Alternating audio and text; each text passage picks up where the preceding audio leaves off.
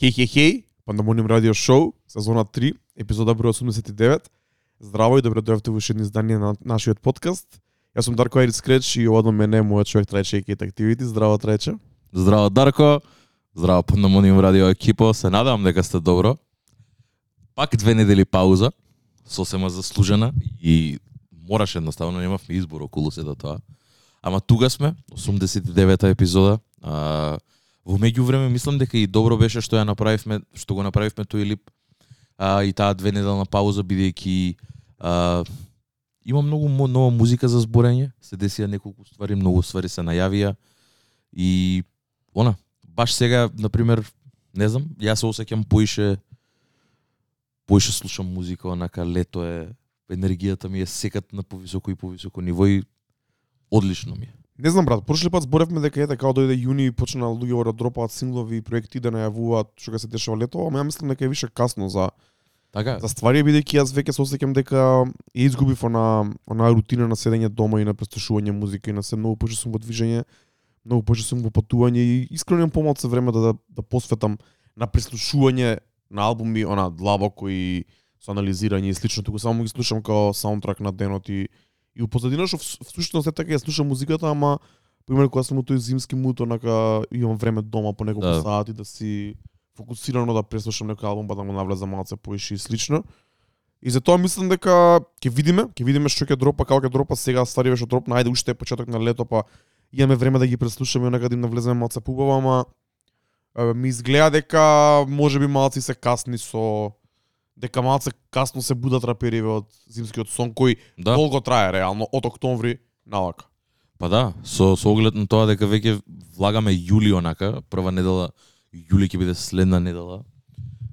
Она, пиши пропал пола лето е отидено, така да... Рачуне брат бев на повеќе места патував во овој период и секаде беше фул со туристи, секаде више беше почната Да. летната сезона, така да мислам дека луѓето од целиот свет, не само од Европа, се више онака расшетани, разбегани, кој на која страна, кој кој патува на одмор, кој оди да работи сезонска работа, кој се сели, кој се враќа во дом, во домашниот град, од таму кај што доаѓа и милион други онака миграции кои кои ги менуваат навиките на луѓето кои да речеме мање више претпоставувам дека се слично како нас горе доле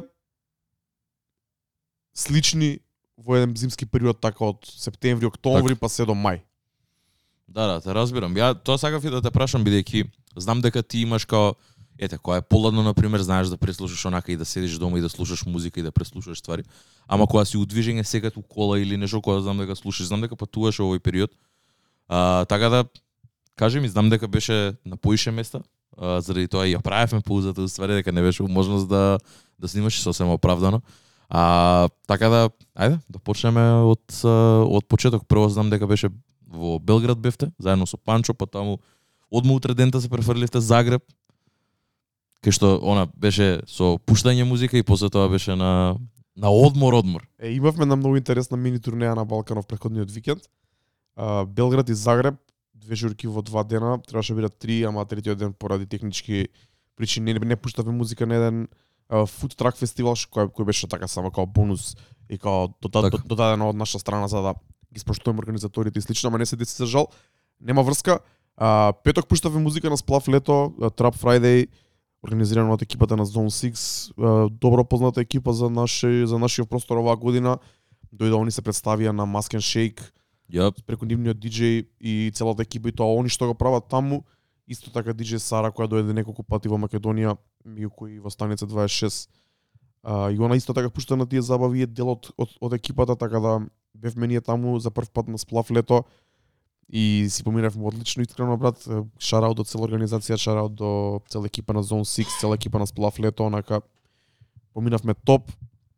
Реално комерцијална хип-хоп вечер, иако се вика можеби Trap Friday али добро е дека се вика Trap Friday, дека па и мо, иако е комерцијална вечер, може да се отиде малце повеќе под наводници во трапот. така. Тоа што го кажам, трап е тоа е само кога битот е 70 BPM или Да, да, има да. тој тој звук не е дека е нешто кузне колку длабоко, мада им дадов ми малце од тоа, имаш и малце и и киклок и, и такви ствари, али мање више беше тој а, да речем комерцијален трап сет кој што верувам дека го пуштаме многу добри и го онак, да не речем го имам усовршено со текот на годините. Поминавме супер, екипата беше задоволна, публиката беше задоволна, многу интересна публика бидејќи Белград има многу странци, брат. Така? Има многу странци, има онака многу, па прво има многу туристи од цела Европа, можеби од цел свет. Има луѓе кои живеат таму кои се од Русија, има луѓе од Индија кои живеат во Србија, онака како Брат, имаат малцинства. како сакаш наречи го, малцинство, Да. не, не знам сега како Не, не, не, не, не дека се во толкав број, ама као на пример имаш мексички ресторани, имаш отворени од Мекси, од мексиканци. Има имаш... многу луѓе кои доаѓаат од странство Да, и кои живеат да. таму, кои можеби не се голема група, кај нас сега малцинството мене посега нешто друго, ама онака имаш групи на луѓе кои живеат таму, а се од, од држави кои се реално далечни од нас и можеби Да, ние да. тука ги не ги гледаме тие луѓе. Тоа прави една интересна спојка на луѓе во еден клуб кој не е ни толку голем. Онака да има од се по нешто и кога пуштавме музика и малце поише трап, и малце поише R&B класикс, и малце поише афро, онака ги гледаш луѓето на што реагираат. Имаше тука некои девојки од Индија или така нешто, беа на девојач кој се изнаиграа на афрото. Имаше тука некоја екипа машки, не знам од кај беа некаде од Европа претпоставувам, онаа кои скокаа на трап. Имаш тука српската публика која си сака и домаче и кои домашните диџеи мора да им го дадат така се правилата на клубот и на нокниот живот во Белград дека мора да има од тој балкански трап, Да. трап момент. Така сакам да кажам дека имаш од се по нешто. Атмосферата беше топ. Ние бевме задоволни, а, клубот и организаторијата и, дом, и домакините диџеи беа задоволни. И поминавме одлично, брат. Презадоволни сме и ни даја онака добар. Ни даја добар сенс до кај сме ние, што правиме ние, дали правиме нешто како што треба или што правиме како што треба, што не.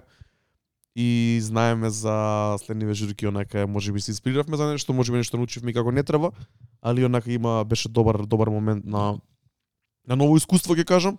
Сме пуштале во Белград, пуштавме во Белград последната журка пред да биде ковид. Ама тоа беше дома младина на ватра, што тотално друга друг Сосема друга журка. енергија, да. Така да и ова беше добро да се искуси во 2023 на сплав во Белград. Еден од многуте сплавови кои се е, еден до друг сите на наредени покрај на- на брегот на реката и онака се осети тој да речеме Белград Night Life го видовме Така. од прва рака и пуштавме музика и беше супер искуство. Одлично. И имаме зборено поише пати, имаме зборено и кога бевте и во Швајцарија и во, во Бугарија дека секаде предизвикува имаш интернационална публика, мислам колку и да е блиску Србија до нас сепак е И интернационален вика букинг. многу беше различно. и е сосема поинаква енергија и луѓето се многу поразлични, и онака пак и не не допре на територија за вас и као in real time она правите као на пример кога би пуштал тука за некоја за македонска публика пак можеби имаш некоја веќе претпоставка, ме разбираш, секад се различни луѓе, ама генерално онака некоја слика ти се врти у глава зашто и како овде на пример сигурно е многу поразлично каде што имаш и различни луѓе кои што викаш и различни култури и сите вибрираат на различни ствари, па гледаш да најдеш некоја златна средина измеѓу сето тоа за на крајот и на денот онака crowd pleaser си сакаш луѓето да си поменат убаво. Брат, гледај, како диџеј ние пуштаме музика за луѓето, за публиката си помине добро. Јоп. Сега нормално дека имаме ние наши црвени линии кои не ги проѓаме, Нормално. ама најбитно е да најбитно од наша страна е да пробаме да им да им направиме да направиме публиката да се помине убаво најдобро што знаеме во доменот на нашите на нашиот стил и нашите квалитети Така. и таму каде што ние сакаме и можеме да отидеме музички. Реално. Затоа што и тоа секој ден се менува. Еден ден се осеќам дека можам да отидам поише на така, еден ден не ми се оди многу далеку од тоа што сум јас. Така да и тоа и до, и Да. до зависи и до филингот во моментот и онака како како се осеќам и каков тип на забава и каков тип на публика има и на што таа реагира, на што не. Али на крајот на денот како што кажа crowd pleaseri сме и сакаме да биде така бидејќи пуштаме музика за луѓето и пуштаме музика да си поминат присутните во клубот или на журката на фестивалот. Добро. А на пример во споредба со Загреб бидејќи знам дека Загреб беше како фестивал. На пример која како беше разли, како како беше тоа различно збори ми за кажи ми на пример исто и Загреб како пројдовте бидејќи и тоа се деси одма ден утре дента. Да. Наеднаш на фестивал, а, кој што R&B фестивал, ка- така се викаше? Не, LMF. LMF. Uh, Let the Music Be Free Festival.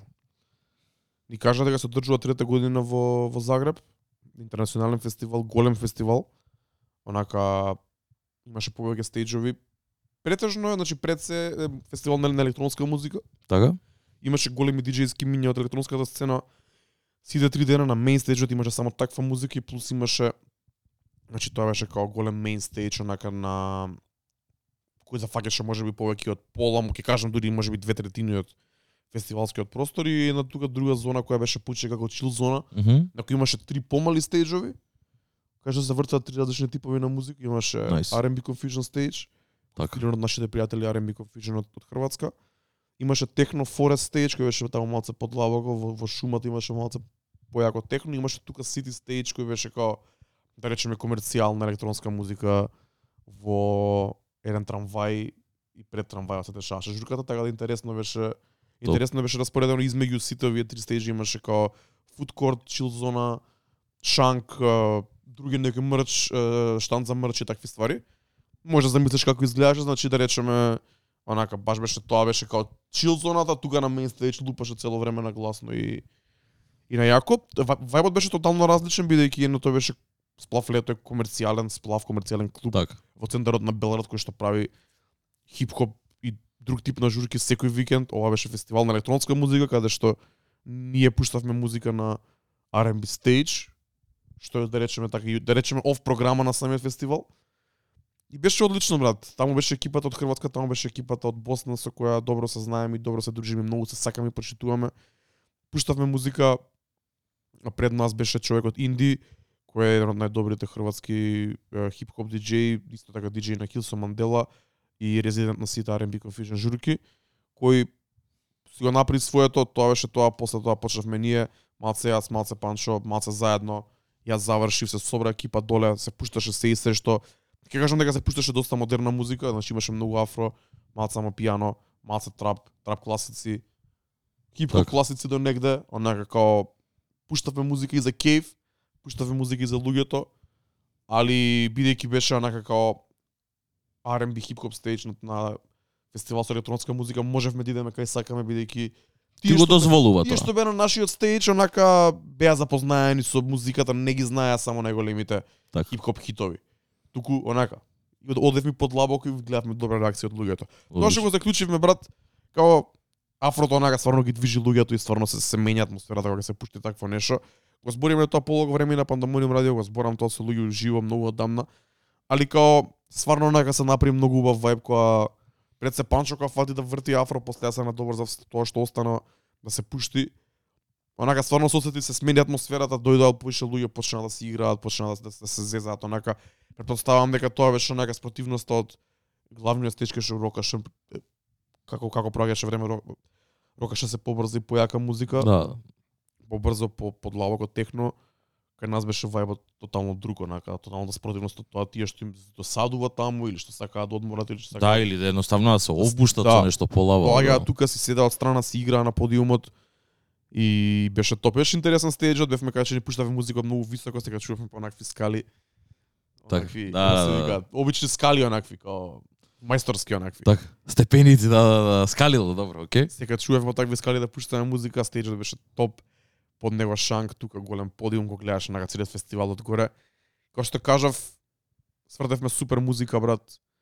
Се издруживме со луѓето од Хрватска, од Босна, од Македонија, имаше таму екипа кои ни се другари и кои дојдоа да ни спочитуваат нас и онака свртевме бевме до до мейн стејджот, погледавме маца на, на два пати до мейн стејдж, бек стејџот, покрај самиот стејдж позади диджеите.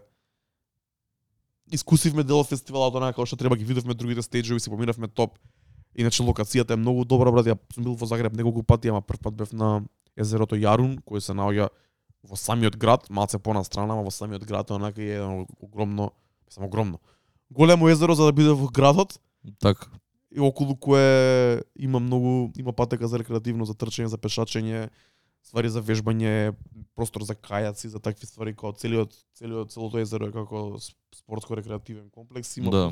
Одлично. има простор за организирање на настани, клубови, летни клубови, ресторани, кафичи и многу други а, Браво. она, ствари за да правиш различни активности таму. Па така и последниот ден бевме таму, таму го поминавме онака е, имаше фестивал на стрит фуд, на стрит фуд тракс, како исто така дел од на, на Јарун езерото, само од другата страна од просторот на фестивалот. Таму и требаше да пуштаме музика, нешто се направи збрка со опремата, немаше доволно опрема, плюс имаше утакмица, игра финале Хрватска со Шпанија, на купот таму лигата на, Да, да, да, на, да. на нации, како и да се вика тоа на преварување сега поново.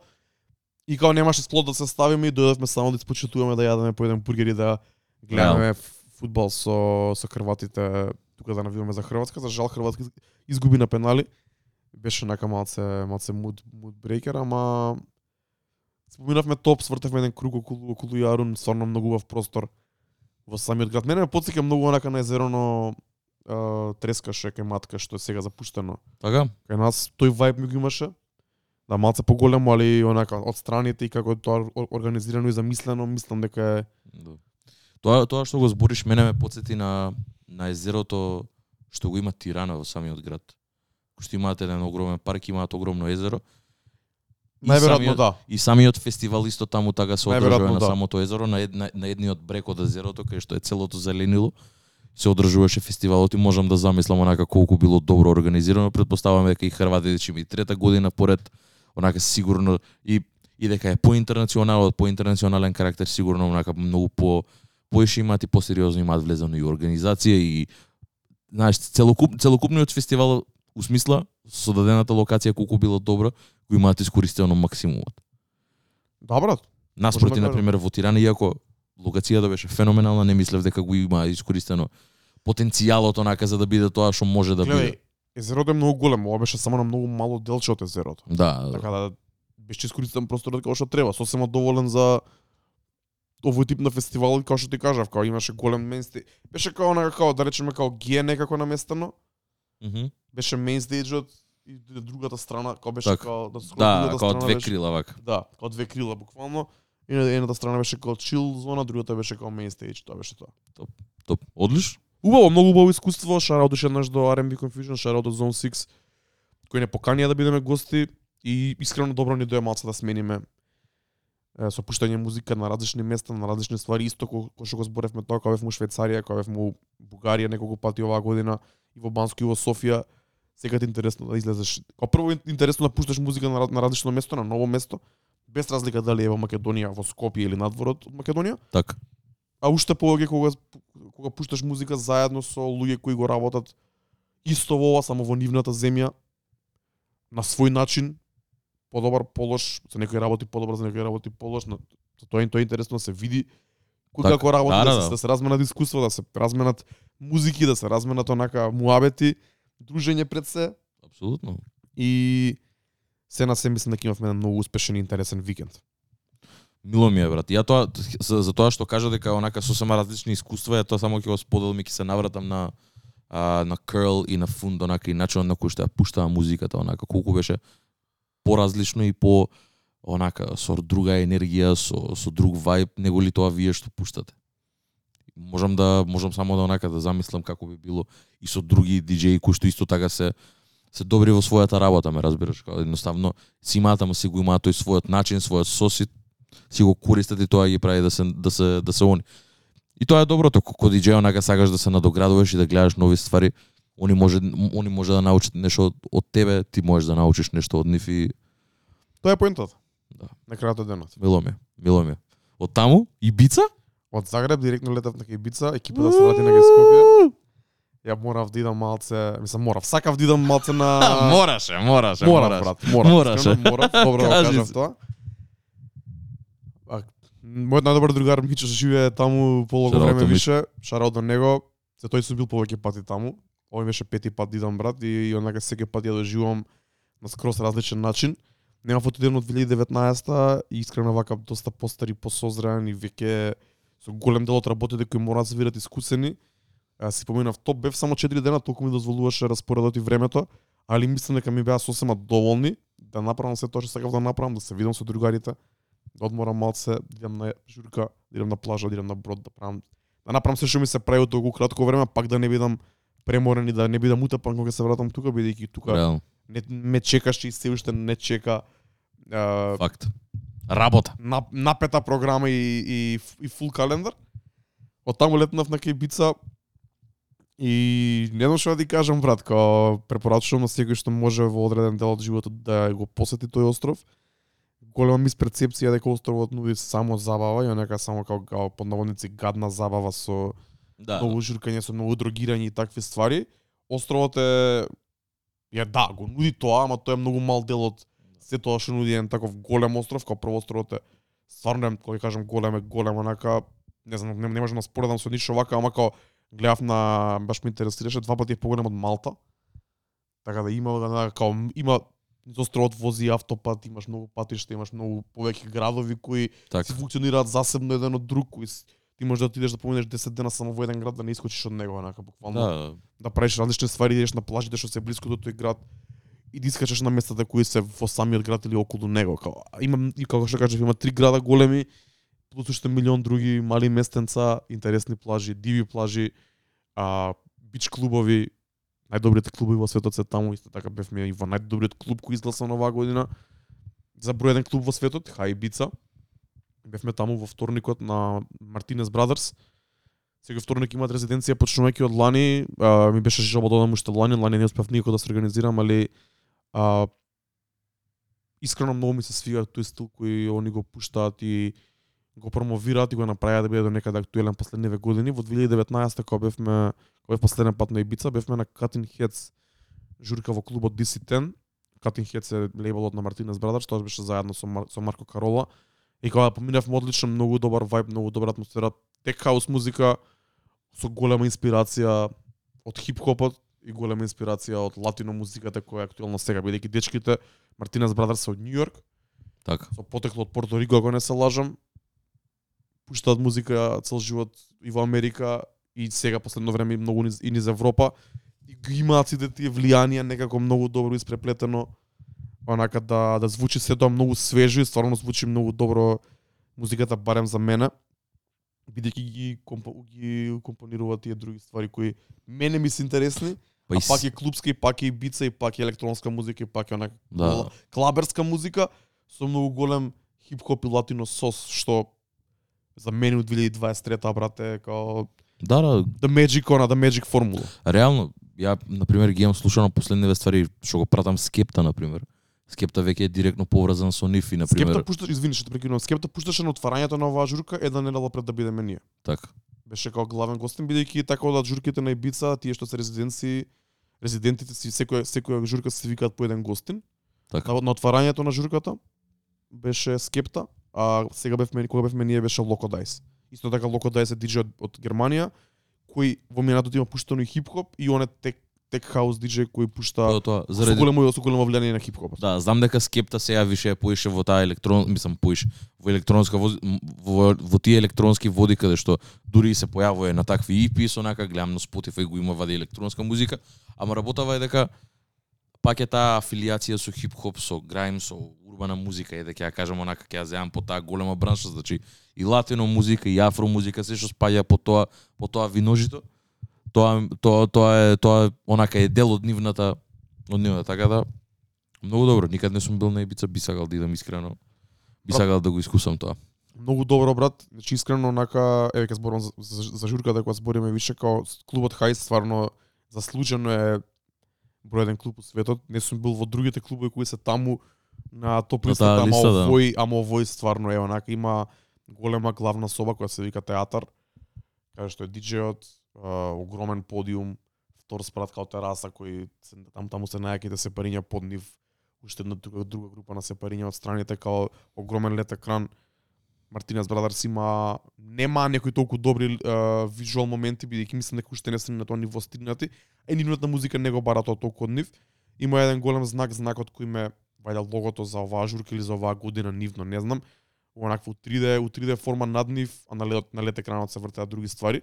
За разлика на пример од журките на uh, Black Coffee, Така? во истиот клуб која е секоја сабота и Tale of Us Afterlife журката која е секој четврток на која беа на на чие отварање беа моите другари два дена после Мартинес Brothers.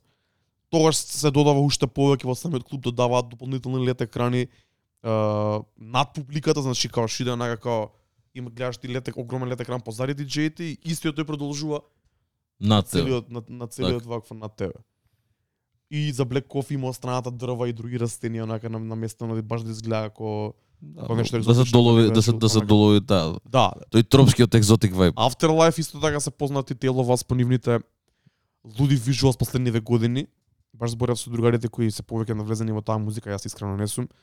Тега онака како музиката е таа е таа добра, ама виш, више музиката не е ни главна Главната причина зашто луѓето одат на на журките и на фестивалите и на онака не имаат више ни тоа најаката страна, туку целиот на комплетниот Аудиовизуелно искуство, да. музиката е таа, али целото визуелно искуство е онака out of this world и другари беа подлудени кога баш пред да сидам, они се вратија од диско 7 са бајле онака 8 и и кога беа воодушевени од тоа што гледале како се поминали тоа што тоа што видов на интернет од оваа сезона какви визуалс имаат онака секоја чест. Да се вратам на журка која бев ја, Мартинес Брадерс, Локо Дайс во театарот, во малата соба која се вика Club Room, значи тоа има театар, има Club Room, има е, не знам како го викаат Secret Room или нешто такво која се наоѓа во вецињата. Има во вецињата како мал стејдж од некој стол, стои нешто луѓе кај што собира и кај што пушта диџе музика. И онака тоа, божно да ти кажам дека кога влегов му клубот на кај два бидејќи имаше многу луѓе кои се гледа дека можеби беа пре, претуристички и не беа баш за таму. Тој стеж беше цело време пун дека се им интересно да, да го видат тоа. Да Така. посредат онака по 5-10 минути може да направат некоја слика, видео и да си одат И после. цело време ротираат Да, само. да, да. Две многу јаки чил зони со многу место за седење, интересни шатори во кои можеш да влезеш да се седнеш, да се легнеш. Онака перничиња, други Така. ствари, ваков бар, таков бар, неколку различни вециња, зависи што сакаш да правиш и кај ти е најблиску да отидеш, онака целиот клуб е смислен и направен да функционира баш како што треба за еден клуб од 2023 година. Внатре во клубот има и шоп, кај што се продава мерч од самиот клуб и од артистите и, диджеите кои настапуваат во него. Онака, комплетно едно искуство во малата соба. Во клуб румот настапуваше Пако Осуна, кој исто така од екипата. Не од екипата на Мартинес Брадас, ама е многу близок со, со, со нивниот стил и предпоставам дека Чими Лани беше и оваа година више и, и, и работат заедно, ако не се лажаме шпанец, и он пушти и он пушти таква многу брза брза тек хаус музика со големо латино влијание и латино вокали кои многу добро одговараат на, на, на таа музика, дека е брзо, дека е интересно, дека онака се повторуваат многу зборови и баш баш се надополнува некако таа инаку можеби за моменти досадна тек хаус музика се Така. надополнува со тие вокали кои го даваат на момент да ти извадат од, од, од ритамот и да дадат некој поинтересен момент. Бевме во Клаб Рум, го слушавме пак Озуна, бидејќи а, во театарот беше многу гужва, како се поминуваше вечерта тие што беа туристи, што беа доени од 12, бидејќи немале кај да или можеби бидејќи не биле спремни за толку за, за, за журкање до крај, се празнаше театарот, се префрливме таму, слушавме Локо Дайс Back to Back The Martinez Brothers од 3 до Closing, Closingот беше уште сипол, онака имаше добри моменти, ги пуштија најголемите нивни хитови, најголемите нивни ремикси, но ќе ти кажам искрено, може би очекував малце повеќе од тој хип-хоп и латино сос. Беше доста теки за мој вкус, беше беше доста еднолично на моменти. Не беше лошо, беше супер, беше одлично, ама ги имам слушано и во и во подобро издание.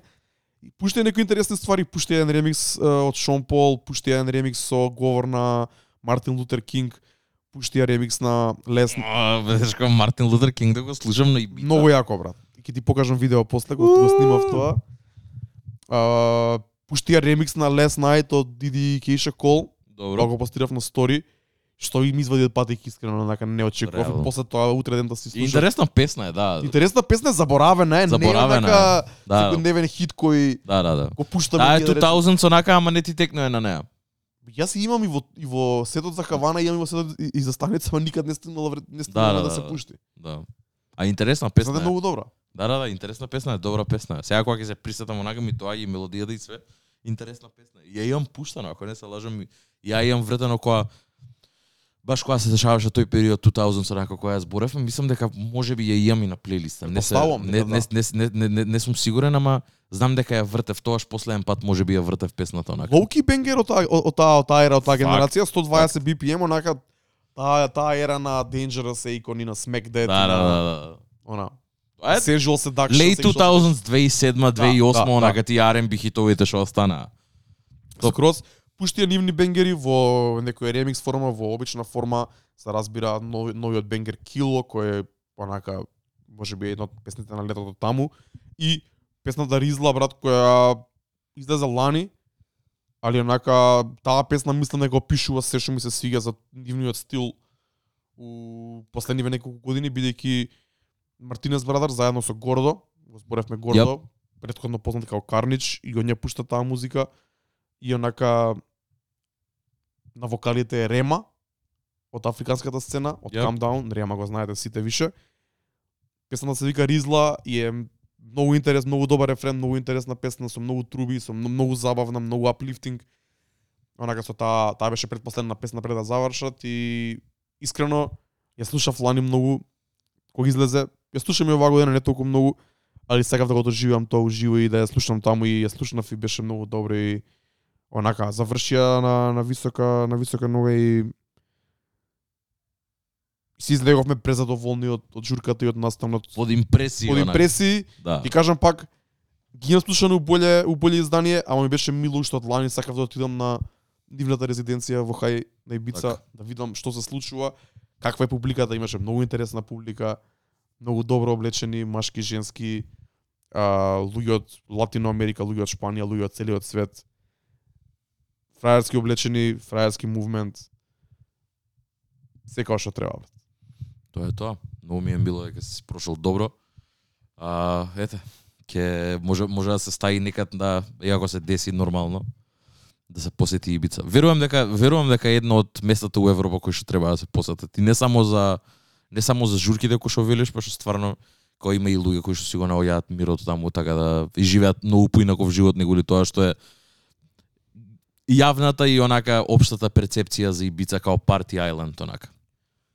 Го има и тоа, ама не, не, не во тие екстреми во За- кои што се За носи разлика од други острови кои се само за парти, Да, реално. ова е тотална, тоталната спротивност од тоа, бидејќи островот е многу убав, многу голем, има многу плажи, има некои онаки интересни моменти како Езведра, кој е едно од најпознатите и најлегендарните места во Европа и целиот свет. Островот Форментера кој има едно од најубавите плажи во целиот свет, на која бевме утредента со со брод, не бевме на самата плажа, него на на плажата од страната на водата, на. Та- Така, така, на проаѓање, на да, да. Многу интересни плажи, многу интересни градови за шетање. Храната сум јарали боле, Така. али се на се добар вајб, многу луѓето се отворени брат, онака вајбот е многу убав. Се гледа дека сите се слободни. Ќе ти кажам само онака на плажа, брат, сите се облечени како сакаат.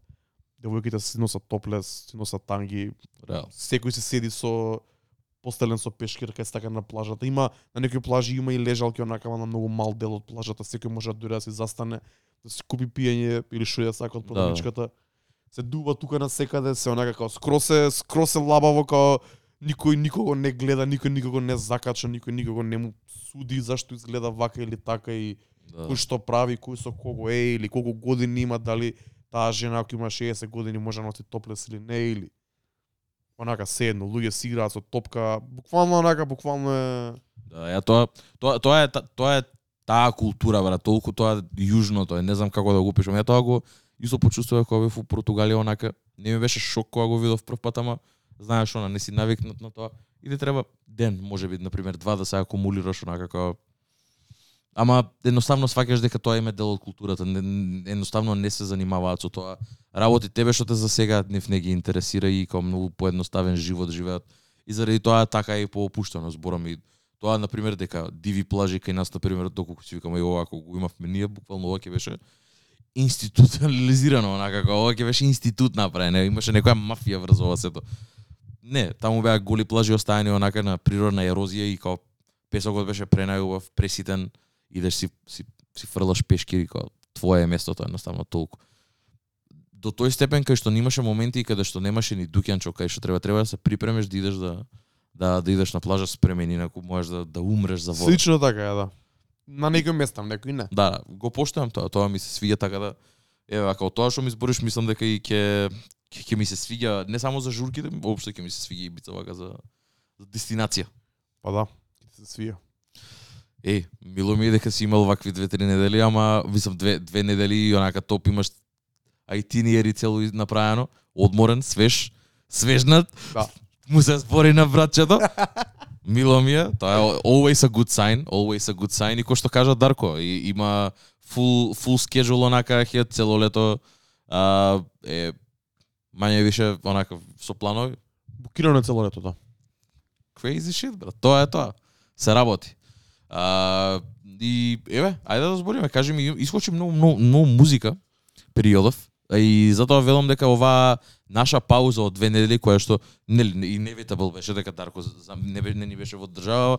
А, мило ми е дека дека во тој период баш се појави но- многу нова музика бидејќи не е музика која што е колку да ја покриеме, туку едноставно и треба да ја збориме. Реално искочи албуми кои што мислам дека се многу побитни неголи од изданијава кои што се појавија и за кои што имаме зборено можеби во претходните 6-7 епизоди, можеби и 10 онака. Буквално последниот пат кога се сеќавам дека сме збореле за албум албум кој што и двајцата сме рекле како треба да го преслушате, можеби било онака како Метро Бумен после Па да, не се можеби онака. некој ептен Да, и ама не, ама или најчесто биле не, не, сме, да, сме имале сме, сме збореле на пример за Лери Джун можеби или за ама пак било јас повеќе се тежнеам кон тој албум него ли ти сега двајцата сме овде и кога си рековме Дарко ми праќа листа на албуми кои што ги има преслушано, ја му праќам листа на албуми кои што ги имам преслушано периодов и слушав доста музика онака. И албуми кои што на пример можеби не се и конвенционални за мене дека ќе ми се свиѓаат и дека ќе ми останат така онака у ротација. И си рековме, окей, топ, збориме за нова музика, 89-та епизода и она. А доаѓа таман, еве, може би ова е конечно онака, мислам, знам дека ти кажа дека е касно више, дека лето онака има една третина скоро више и пројдено од лето мање више. Јуни има ве, веќе е пројдена, ама ете, рапериве од Америка се освестуваат и почнуваат да вадат музика, се дешаваат ствари. не мислам дека Уште ова е се уште се уште има и тоа не ми е тоа не ми е тоа ми е чудно брат. За нив кога почне сезона брат. Валја веќе лето не толку а, знаеш она не не диригира толку како сезона да вадат музика бидејќи мислам дека и нивната музика не е приврзана за а, за за летото и за времето во кое што ја вадат и на пример па не знам брат, еве еве конкретно ајде ќе ќе отворам нешто нов албум, нешто што се најави вчера. Pink Tape, брат, Lil Uzi Vert, као Тоа тоа е единственото нешто што може да ме подсети подсети на лето е Festival Season, брат. не, он најверојатно ќе има турнеја. И сигурно, да, сигурно. И тоа сигурен сум дека ќе има одма после Ама албумот брат, ама, ама дали не знам дали окей да го да го дропне албумот The Pink Tape кој нема никаков ни летен звук ни ништо на 15 јули брат. Немам појма. За мене тоа е лош потек. Ја нема да го преслушам кога излезе дента брат. Јас знам лани како го слушавме Джои Бедес кој излезе брат, Джои Бедес го слушавме. Абе среќи таков беше албумот беше окей за слушање, го слушавме по пат додека идевме на љубманиште, се сеќавам ко вчера брат. Дека Джои Бедес исто, исто дропна нешто такво 25 јули. Ако не се Да, лажам. 2000, да. Као, не е само кај нас летната сезона почната, брат. Беше беше Да, да, хаос. да, не, не, те сваќам, те сваќам пошто и имајќи предвид тоа што имаше стајано на Pink Tape, морам да кажам, Гибсон Хазард е еден од најдобрите режисери моментално што постои, дечко е ненормален. А млад лик, можеби не е толку веќе млад, ја го знам многу оддамна, ама тоа што, го- што го прави со анимациите, тоа што го прави со режијата е ненормално, нереално онака. Он го правеше и за Дрейк, за Дрейк има Дрейк, уствари на еден начин и го проби, имаше правено за Дрейк неколку ствари и многу, многу, многу, многу солиден. Го гледав целиот трейлер онака, тоа е ко, ко мини муви онака и ептене во, во се тоа што кое што се гледа дека Lil Uzi Vert ужива, као и аниме и ти, ти, ти глупостите негови. А, све тоа ептен онака стајано да се гледа и јасно е покажано да од каде доаѓа. За музиката не знам искрено како се чувствувам брат, тоа е тоа кажав на неколку луѓе у неколку групи онака го пуштив истиот муабет која им го пратив трейлерот.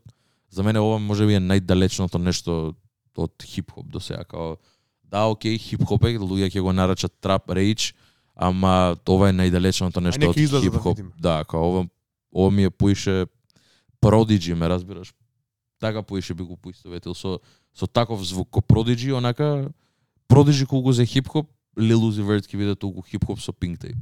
Не знам брат, ја искрено не ни го Барем тоа што го слушнав, брат, као нереално ми беше продукција, вака, окей, да, о, јака е, може би не за некој ќе е си, симпл, дека е само гитар, рифс и све тоа, ама не знам, не знам, многу ми е далечно од хип-хоп музика мене тоа, брат. Ја не го поистоветувам тоа со хип-хоп. Не можам да го поистоветувам, не, не, е, не е елитистот во мене или тоа све што имам преслушано, ама онака кога ќе земам низ целиот спектар, као мора да има еден една НЗС, мен, она common denominator мора да има едно Да. овде музикава нема го, му фали тоа брат. Чекај, ќе видиме што ќе излезе. Ама ја можам да ти кажам дека трейлерот него не го гледав до крај баш поради музиката дека од Сабајле. Да, ми Сабајле го слушаш, ама ја го слушав во 11 вечер ме вознемири, не може Не, да ја до три. Сабајле јас почнав да пишувам у групата викам ајде не рентам сега Сабајле што ми се Е ми изнервира звукот че сега да почнам да се објаснувам у групи. Да, да, да, да, да, да. Не ми не, не ми ветува ни мене ова, ајде да видиме. Лилузи Верт сум го даупнал неколку пати, сум не сум верувал него, па ме ме побил. Затоа верувам у братот дека може да извади добра Не, не, види. музика. Ја Ќе ја биде верувам, окей и за него, а може би нешто и за нас. ја верувам, ја верувам дека албумот ќе биде огромен. Ја верувам дека албумот ќе направи тоа што треба да го направи, тоа што луѓе мислат дека ќе го направи. Онака ќе стане кој на пример Whole Lotta Retro е на пример за многу луѓе.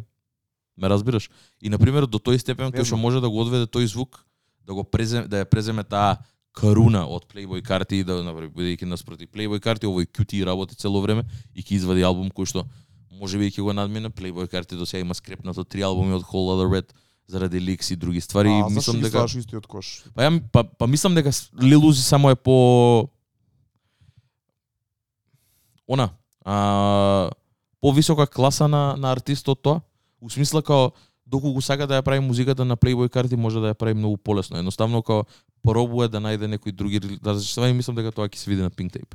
Заради тоа, као доколку му е има дојдено да направи албум кој кој што звучеше Whole Other Red, може да го направи. И мислам дека го има и ќе има такви моменти на сама на самото вако, барем на трейлерот звучеше така.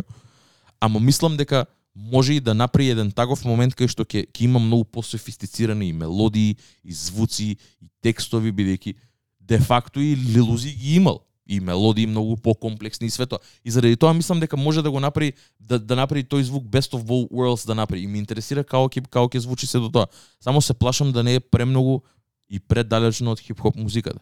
Пошто до сега све што има вадено го имал тој common denominator дека е вакуали сега имаше еден снипет се појави од нова песна некоја ја настапувал на BET Awards, као не знам уште кој се интересира за BET Awards, ама не е битно. А брат песна беше полуцензурирана дека нема клин верзија и а, дека не, а капелата не ја имаат тргнато, не, не е на два посебни канали, кој MP3 е, и за, за да го цензурираат, се цензурира и инструменталот. И, му, и као секој второ збор е фак нешто или што и да, или фак или нига и не може тоа да се да се емитува на, на National Television и пола песна е само тит, тит, тит, тит, така пресмешно, онака бизарно звучи, брат. Така беше и за фането, брат, видов некој снипет исто би се појави чивки што настапува. Глупости, брат. Fuck BET Awards, брат. Не. Реално.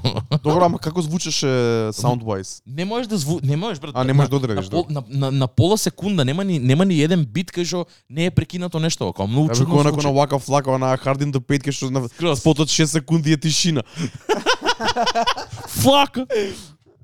Ама не знам, еве, ќе видиме. А веќе кога почнавме со најавите, а има Ајде да видиме, извини само што да те прекинам. Се надевам дека ќе ни даде нешто добро за слушање. Ја морам да кажам дека ја бев скептик за Just Wanna Rock и мислам дека песната стана толку голем хит поради мемиња, поради reels и поради тоа што немаме добра музика за пуштање. Не е дека не ми се свија, оке, ама мислам дека и као it blew out of proportion да, да, и со денсот, и со шафалот што го прави, и со Да, целата персона околу Не- не Лил можам- Узи онака како фекор лик, поише Не може да ме неголи на, на, неголи на квалитетот на музиката. не може да ме одземам брат, ама ајде да речеме дека тоа поминува кај мене некако. Иако не поминуваше на почеток. Се надам дека ќе ни даде нешто добро за слушање и за пуштање. Ако не на крајот на денот ако има публика што го слуша пред се млада публика која го сака тој нов звук, нека иде натака и да видиме што ќе биде тоа. Само што се слагам со тебе дека може би ќе биде предалеко од хип-хопот и може би не треба ни да спаѓа по таа амбрела, исто како што Post Malone веќе не спаѓа. И не е ништо лошо. Не, не е тоа лошо. Не е ништо лошо, The само што Weeknd не спаѓа више под Да. хип-хоп R&B. Некој ако ми каже дека дека Weekend дека, дека The Weeknd е R&B, би сакал ша, шамара да му залепам, искрено ти кажам. Don FM и сите тие албуми сега што ги има извадено последниве два посебно uh, After како се каже? Не Afterlife, што зборувам? After Hours. After Hours, Afterlife е јит албумот. After Hours и Don FM ми се поп албуми, и тоа пик поп албуми. И со тоа сега што гледам што се дешава и начинот на кој што е изведена целата турнеја, и луѓе кои го се хајпат, ба тоа не звезда звезда, не е не е веќе R&B стар, нема R&B стар што имало таков таков стар. Ар Кели кога бил најголем, Ама нема врска каков старе брат, битно е каков е звукот. Не е битно колку големо име, битно е да, да, да, се и, то, звукот, и тоа го има сменето и звукот го има смено и веќе не ми е R&B, не е хип-хоп. Есенцијата брат која Да, е? тоа е веќе тоа веќе не е сродно со хип-хоп музика, едноставно тоа станува поп музика тоа. И заради тоа ве- велам дека ова се плашам дури, мислам не се плашам се, а не во смисла не, не дека нешто ми значи, нема мене да ми смени ништо Да, да, да, лично. па тоа. Ама муабетот е дека се плашам дека луѓе кога поистоветуваат и дека тоа ќе го натера као звукот да отиде некаде натака кај што не треба да иде. Ме разбираш као сега ова е новиот хип-хоп, Не. не треба да биде. Не, не, нема да биде, нема да биде, нема да не- Да, знам дека нема да биде, ама у глава така го сваќам. Ме разбираш дека толку може да биде различно од хип-хопот и толку може, да биде далечно од хип-хопот, а луѓе да го поистоветуваат како хип-хоп. Не би го сакал тоа. Тоа ми е, тоа ми е целата тоа ми е целата вакво. Ама годинава А еве пред да почнеме да збориме за музиката која што искочи, ќе ќе ја спомнеме музиката која што треба да искочи. Дрейк најави нов албум. Мислам дека нема да биде албум албум. Не знам што ќе биде, Дрейк извади книга, ја има на приордер ако сакате да си ја купите. Заедно со, мислам дека е напишано со девојката која што е на каверот на на на новиот албум и не знам која е конекцијата таму, не знам Дрейк што прави искрено. Ама албумот се вика For All the Dogs и мене ме подсети на на Opening Live for the Dogs Them You Know на од Views. Така да не знам, се надевам, се надевам на нешто барем она, ако наслов на Дрейк може нешто да те кој што не слайдна онако со Certified Lover Boy ни еба мајката. Да. А, ќе видиме, не се надевам на ништо, ќе видиме што ќе е ова. А не можам да си фрлам више она надеж да си чукам у граде дека ќе биде нешто тоа што очекуваме од Дрейк, али ќе слушнеме кога ќе вади. А, исто така шарвото Панчо, Панчо са Бајле или вчера, не знам кога, имаше стајано од стори, кај што ги имаше стајано сите албуми кои што вакво и као едноставно само направив скриншот и викам фала ти Панчо и му кажав на Дарко, Панчо ни заврши преголема работа и ја читаме листава сега. А следен Тревис Скот Утопија. Више гледам почнуваат луѓе да не носат некои актовки онака. Најве, најверојатно луѓето кои што се соработници на албумот имаат некоја актовка ја носат и као The Мене ми- Weeknd, Mike Dean, Offset, им такви некои други артисти имаат ја имаат носено ја имаат носено актовка да што Мене ми се појави дека на вебсајтот на Тревис Скот го смениле исто така да она, за приордер да. дека е утопија. И тоа и плюс во source кодот луѓе онака што што што безделничати нема што да прават на Chrome. А виделе дека уствари си има сменето како приордер Утопија и дека едноставно се спрема за за релиз. А, само што ете, ако ова може да се нарече rollout, е интересно со актовката, пошто ама пак е засновано брат на гимик онака на social media, е, што разбирам дека е number one tool in the world нормално. Ама чудно ми е. Чекај, Дај ми дај ми музика. Чекај, не ги суди, ова може Да, не, не, пред, не ги пред не ги за судам. Ќе не ги, не ги судам, ќе видиме, ќе видиме како ќе видиме, ама ме интересира на пример Тревис Скот каков ролаут ќе има за Утопија. Многу сме стари, брат, и многу искусни во слушање на музика и во пратење на сцената, за да се Ја на пример не се возбудувам на ништо вакво. Не ми е ништо ново. ништо глупост као се што ќе објават и се што ќе као пуше го стават Да, да, ко- некако да се стаи брат. Да, тоа ми е. Исто и ја. Додека не добиеме нешто конкретно, прв Исто сингл, ја. втор сингл, не што се вика не би ни ги коментирал стварите бидејќи стварно не колку пати си има десено нешто да се постира да се става па да не излезе никогаш Да. или да биде нешто скрос различно. Сериозно беше кога на пример Дрейк ги стави оние билбордите за Certified Lover Boy и албумот из- излезе после два дена као. Така. Така. Кога ќе стане некако ќе дојде до моментот на вадење, до Да, тогаш на пример Тревис Скот исто го имаше па се деси тоа со World, па пропадна целата работа. а не знам до кај беше тогаш утопија. Па немам појма, али се појавија се појавија билборди тоаш, валја валја беше блиску. Little Vert го спомнавме Pink Tape, A$AP Rocky, Don't Be Dumb. Излезе албумот е Само ја из- денеска не би го пуштил брат. Не, ја би го пуштил чисто да видам кај што е онака ме интересира дете му се роди, не знам Не дали викам дека нема биде добра музиката, нема да ме возбуди да го пуштам. Па тоа, ќе видиме, ќе видиме како ќе биде. J. Cole, The Fall Off, а, искочи еден верс од една песна на Савиди, а, од незиниот нов проект, кој што го немаме зборено, добар R&B проект, слушнете го ако ве, ако ве привлекува онака женски вокал, убава R&B музика. И он имаше таму као соло песна, као некој интерлуд, каде што Савиди барала долго време песна од J. Cole и J. Cole го има нај, најголемиот J. Cole момент кај што си прави муабет на песнава. Као, хей, мистер Савири, а, знам дека бараше врс од мене. Ова го кажува во врсот, ме разбираш, тоа е врсот. Збори за како она барала многу долго време врс, ама он имал многу работа, па сега стигнал и се решил да пишува на битов. Знаел дека има дете, бил многу горд од неа као хендело бизнис, дете и fucking J Cole брат и кажа и Да, таму да, кажа да. и таму кажа демек Кринч. као да. Is you stupid? и, и имаше имаше кажат уствари од таму и знам дека као демек го спремам follow као се брзам да го извадам албумов. И така да се надам дека ќе стигне исто така за, за брзо време и албум, па ете да видиме. Ја искрено последниве два албуми не ми се свиѓаат од J. Cole, не ги толку многу вртам. Освен Revenge of the The Dreamers, кој што онака како компилација ми се свиѓаше, посебно дека и DJ Драма беше на него. А, па ќе видиме J. Cole што ќе извади. А, Metro Boomin in Future to be announced, не се знае уште името. А, не знам, тоа би било добро искрено. Као Future се поише и поише онака на Future, сега што го слушам у последно време. Future е Future ќе остане на крај као one of the goats. Да, факт. Најконстантен брат у играта последниве 10 години. Никој не може ништо да каже за Future. Факт. Quavo, Rocket Power, немам ништо видено за ова, ама тоа што слушнавме последно од Quavo, што вадеше, не ми се свигаше искрено. Појма немам као ќе и ситуацијата со Takeoff и што ќе се деси, знам дека сега Offset и Takeoff се спои, оа и Quavo се спои, а пак сега се окей, валида. Добро, тоа е добро за нив, И ама мило ми е дека е тоа така искрено, ама ете, не требаше Takeoff да умре за да се деси тоа.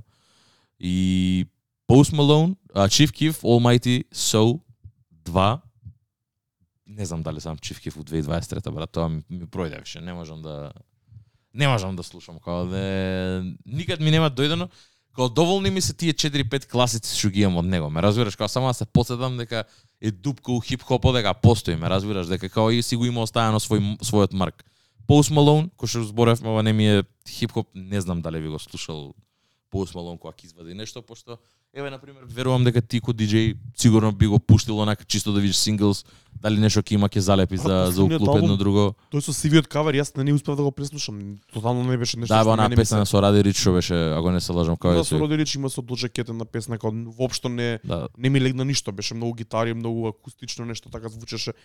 Не, не сакам да ги да некој да ме свади погрешно, не, не ги знам тие правци како треба да ги да ги кажам, да ги она да ги Не да ги наречам. Не е правец, брат. Не може еден албум да биде правец, Нема ме да- разбираш? да кажам, Као- имаше звуци и музиката беше во правци кои мене ми се многу далечни, кои не ме Да, да. допираат никако. Разбирливо. Разбирливо. Го имаме The Alchemist, а, заедно со Earl Sweatshirt, Flying High. Шараут за Панчо што го има заедно Alchemist и, и Earl Sweatshirt. Исто така, Wet Dream на мене, Earl Sweatshirt и Alchemist да вадат албум. Lil Wayne, Carter 6, исто така. А А, има сериозна најава за тоа? Па, појма немам. Исто валја колку што има и Future DS3. Искрено. Тие, тие, тие две ствари онака, не ни верувам. Schoolboy Q, исто така, Го чекаме албумот онака. не- не не знам што ќе се деси. Kid Cudi Insano. Не, не по пробав брат, му дав стварно шанса онака нова песна Topless Porsche или како ја се вика или Headless, не немам појма што се викаше. Брат, не.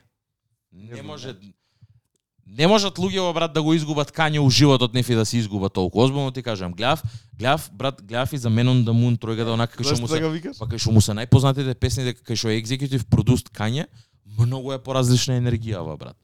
И последен албум, на пример, уопште луѓе што го памтат од Kid Cudi е uh, Kids See Ghosts, пак е Кање, ме разбираш. После тоа има извадено и никој ништо не лепи кој што кој што лепело до порано. Тоа не беше тоа. И, и, не, ама за многу луѓе е добар солиден албум. И мене не ми се свиѓа. Мене не- од тие од тие тие поише албуми кои што ги извади со по 7 траки, еден од можеби најлошите ми е мене искрено.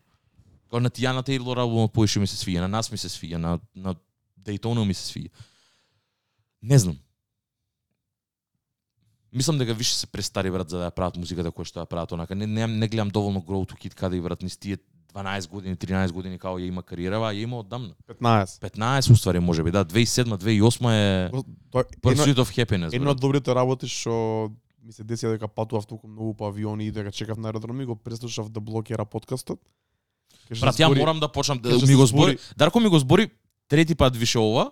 Никад Збори- немам седнато. Има една има една цела цела епизода за Кит Кади за оној како се викаше Чарлс Хамилтон? Не, е, Добро, да. така се викаше Да. Тој беше the golden child, тој требаше да биде раперот на сите рапери што Паралелно се раскажуваат двете нивни приказни. Да, тој беше легендарен, тој беше онака црнецот, ама Ешер цртен- црнецот, Тоа. од 2007 Па, 2008 онака ги држеше сите блогови. И многу луѓе не знаат за него, бидејќи Ептен остана онака базиран на интернет, никад не успеа да се протне у меинстримот и остана само помеѓу она деца што слушаат на интернет музика и што немаат никаков она не се applicable in real life онака и као стварно Чарлс Хамилтон Хамилтон остана остана у позадина. Инаку казна да раскаже на таму и лични проблеми. Многу јако, тоа би го слушал. со лейблот. Тоа би го слушал искрено. И Пошто тоа ми е време онака ја највише кога виреев со музика и тоа ми е најинтересно брат. Значи, Кит Кади 15 години кариера има, тоа се ти кажам. Брат, crazy, као Е, 2008 е. Епа, спореди Pursuit of Happiness, онака, може би првата песна која што ја знаеме од него, онака Ептен шо, мислам, ај Day and Night е првиот хит, ама као Pursuit of Happiness е тоа што онака пик, кит каде и као, да. Не знам, не веќе ми е престар за да ја прави музиката која што ја прави да, да биде иста, ме разбираш, пробува да биде иста, да го да го фати тоа старото, а не мислам дека е тоа Не треба, не ни може. А, Trippie Red, нема, нема ни да го зборам ова. Сигурен сум дека ќе го скокнеме онака екстра хард, нема ни да, да го погледнеме. J Hus, Don't Say Militancy. Го чекаме. Реално, после Who Told You, брат, морам да морам да спомнам, ја зборевме претходниот пат. А, Како проаѓа време се боле и после, боле после, станува. после тоа, после тоа се се пушти во 12-12 и Дарко ја пушти онака се- седам надвор си правам муавет со цуци и со и со даме ци- цигари муавет едно друго пијачка се пи Дарко само ми пише порака пуштам музика и ми пише кај си бе влези внатре и само вака ја гледам поракава Ја оставам пијачка да викам влагам внатре, викам ја викам повикот, викам Бетмен сигналот, викам го пушти ја. Као што влагам у 12-12, одма, told you влезе овде, многу добро. Но колку поише ја слушам, толку поише ми се свиѓа, искрено. Исто. Искрено и као има за мене лично, субјективно има голема шанса да е песна на летото. Рано е, уште нема ништо друго ни приближно искочено за споредба, ама па има и многу врска дека си прв. Искрено Да. многу прави разлика кога ќе имаш месец дена да ти легне трака, брат. Многу.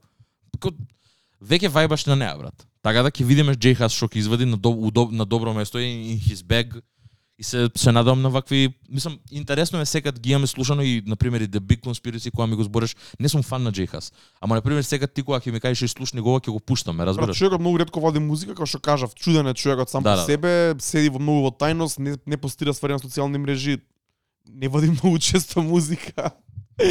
Ама као за тоа кога ќе извади, слушаме. И, Тоа, до, тоа, тоа, и најчесто е добро, ако ништо друго е солидно. Онака да помине да нема нема да ти смета сигурно. Да. И Party Next Door PND4 за ова со некој зборев брат. Памтам на PND2 летото 2014 брат. Мислам дека тоа беше единственото нешто што слушав во 2014 летото кога искочи брат. Двојката, не кецот. Кој беше двојката? Двојката е со со како се викаше ова а, Аман бе Not Nice, со Not Nice. Не е со Break from Toronto и вакво, туку е со она Not Nice You're Rude, како се викаше песна, бе, брат. Абе да, да, да. Легендарен, брат. Го убив од слушање тоаш. И као PND4 се надевам дека ќе биде боле од боле од Party Mobile, брат, искрено. Као тој албум Го заборавивме некако. Да, да, да, као, има, имаше и добри фичерс, имаше со Риана фичерс, имаше имаше окей ствари, али него многу брзо се забора и не остана и мислам дека ќе ќе остане заборавен, као луѓе поише се сеќаваат онака носталгично на PND Кецот, на двојката, Тројка, со Камен извини, Сими. тројката е Not Nice, Only You, Добро. тоа е да, на тројката. Да, да, да. Камен Сими, тоа е на тројката, а на двојката е Двојката не е толку не, не, не е со толку бенгери бенгери кои што се овие кецот и двојка. Belong to the City, Her Way, Recognize. Recognize Тоа тоа. Е Recognize беше на бенгер. Recognize, да, да, Options. да, да. Уху. Тоа е тоа. 2014 брат, јас сум имал колку? Бик, бик, не бе, тоа е брат. 18 и пол години, ме разбираш, ма, тоа е. 19 години, За тоа тоа гуте мало. пун хормони, брат, тестостерони, брат, врие. Пиенди ти декне, лачеш за хаос. Хаос. така да ќе видиме. А на кецот е Was Good Creed. Was Good, да, да, да. Песништа. Каква дискографија има, брат. Па многу добра. Тоа е. Многу добра. Многу го ќе се збори ова, ќе остане онака, ќе остане као Ова ќе е покет онака луѓе што ќе го памтат од наши генерации кои што биле за секогаш ова, Да, брат. да, да, као на мене, ја, ја заради тоа викам за луѓе онака кога кога гледам носталгично, мене поносталгично ми е некои некои луѓе ќе кажат ова може би е hot take. Некој ќе каже на пример брат за мене PND ми е боле од Weekend тоа време. Искрено ти кажам, поише ми легнуваше цело време кога го слушав.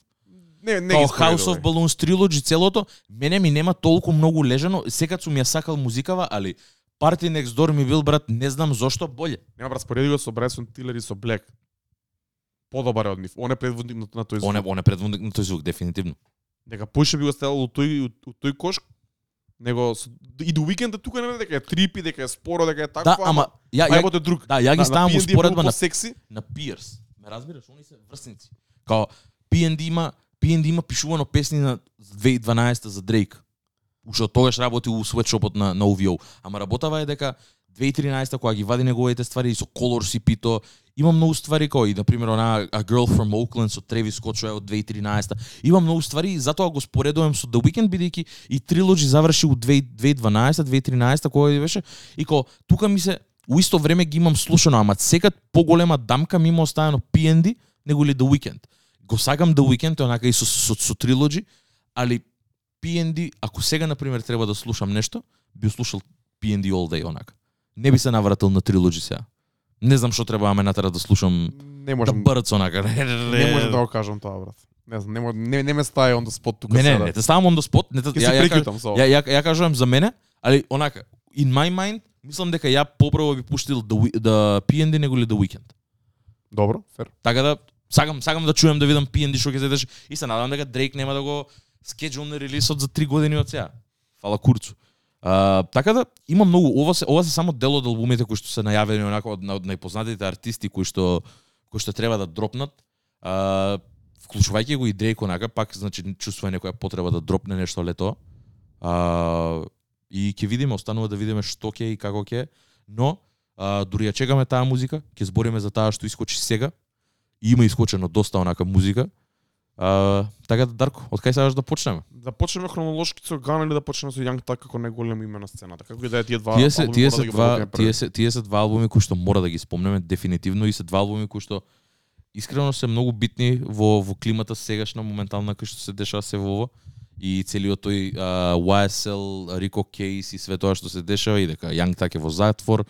А, целата динамика беше многу чудна, многу интересна. Ја зборевме Bird and Butter која искочи како сингл, дека ни се свиѓа и на нас двајца онака и дека баш тоа го спомнавте, им треба трагедија на црнцеве за нешто да направат квалитетно, пошто ова е можеби и првиот пат кај што Гана вистински ми се свиѓал на Bird and Butter и уште пред да почнам да зборам за албумот, а, ја ќе кажам дека штета е само што им треба што му треба на Гана ова за да пошто ова е првиот албум од Гана во кој што искрено можам да уживам онака и ми се свија.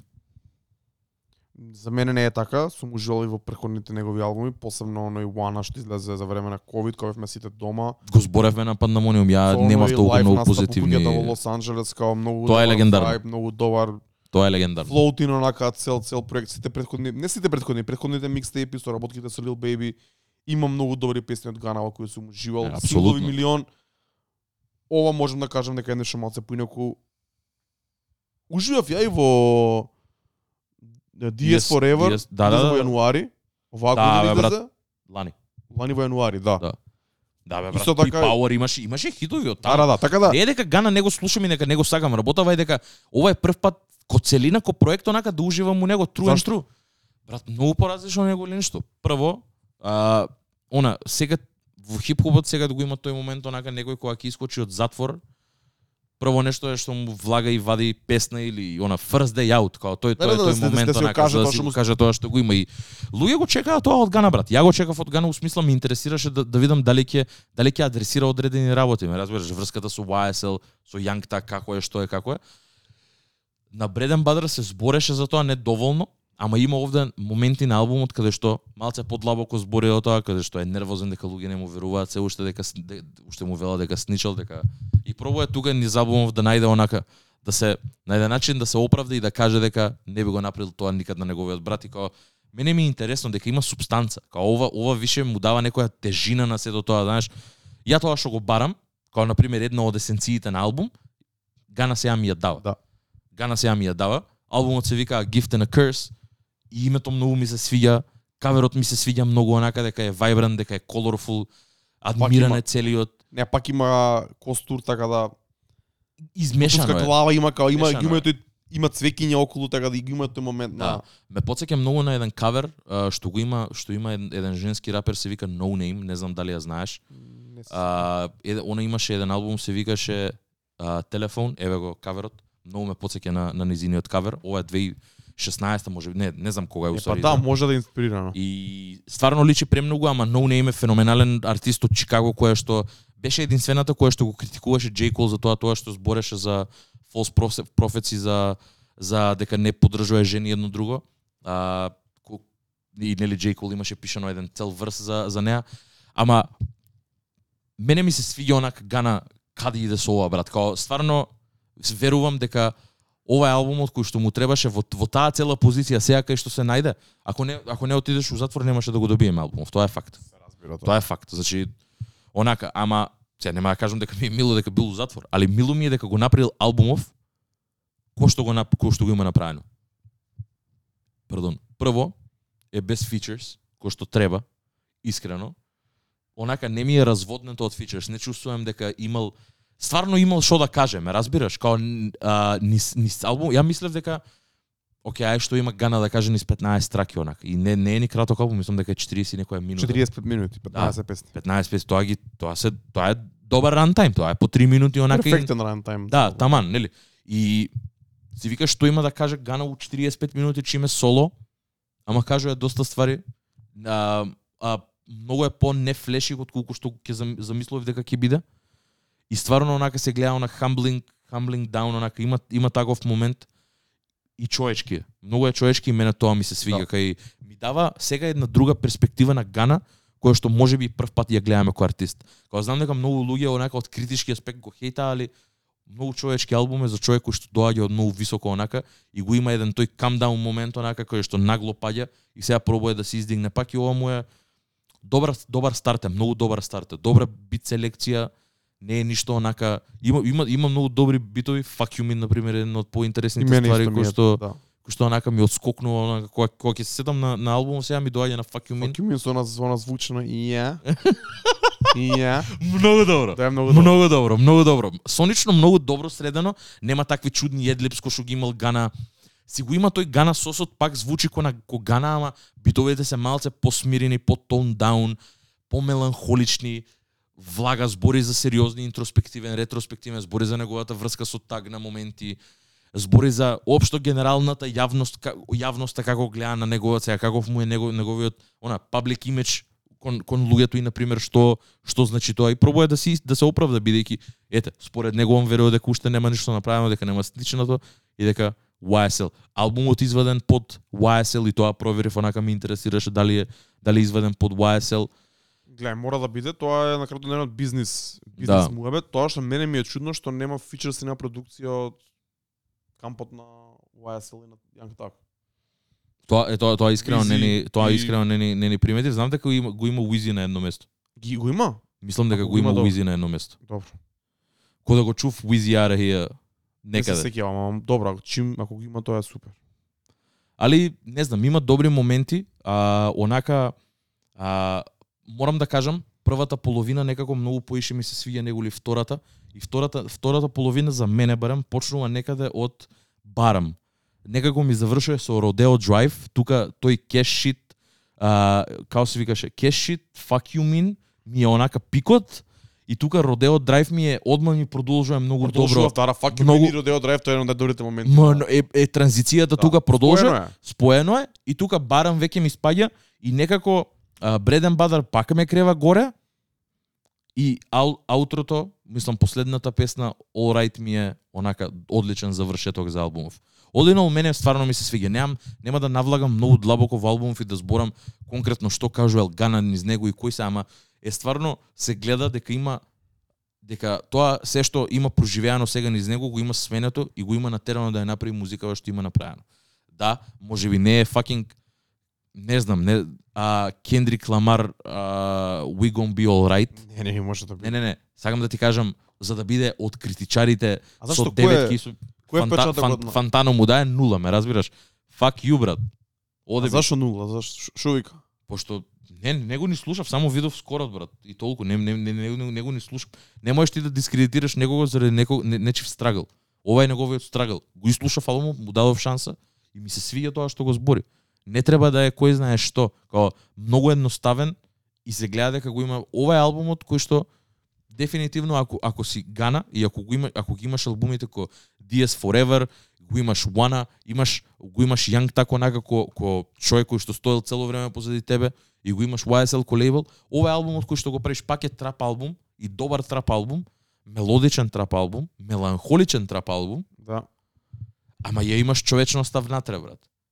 Го има онака као го турка се до ова напоише дроги да прави, дека пак го туркало пркови да прави да лупа линови да пие, она све за тоа збори брат. Тоа се тоа се работи кои што не туку така можеш лесно да ги кажеш ако не ги стварно стварно мислиш, кога имал потреба да ги каже ствари за да се соочи со тоа што стварно му се деша.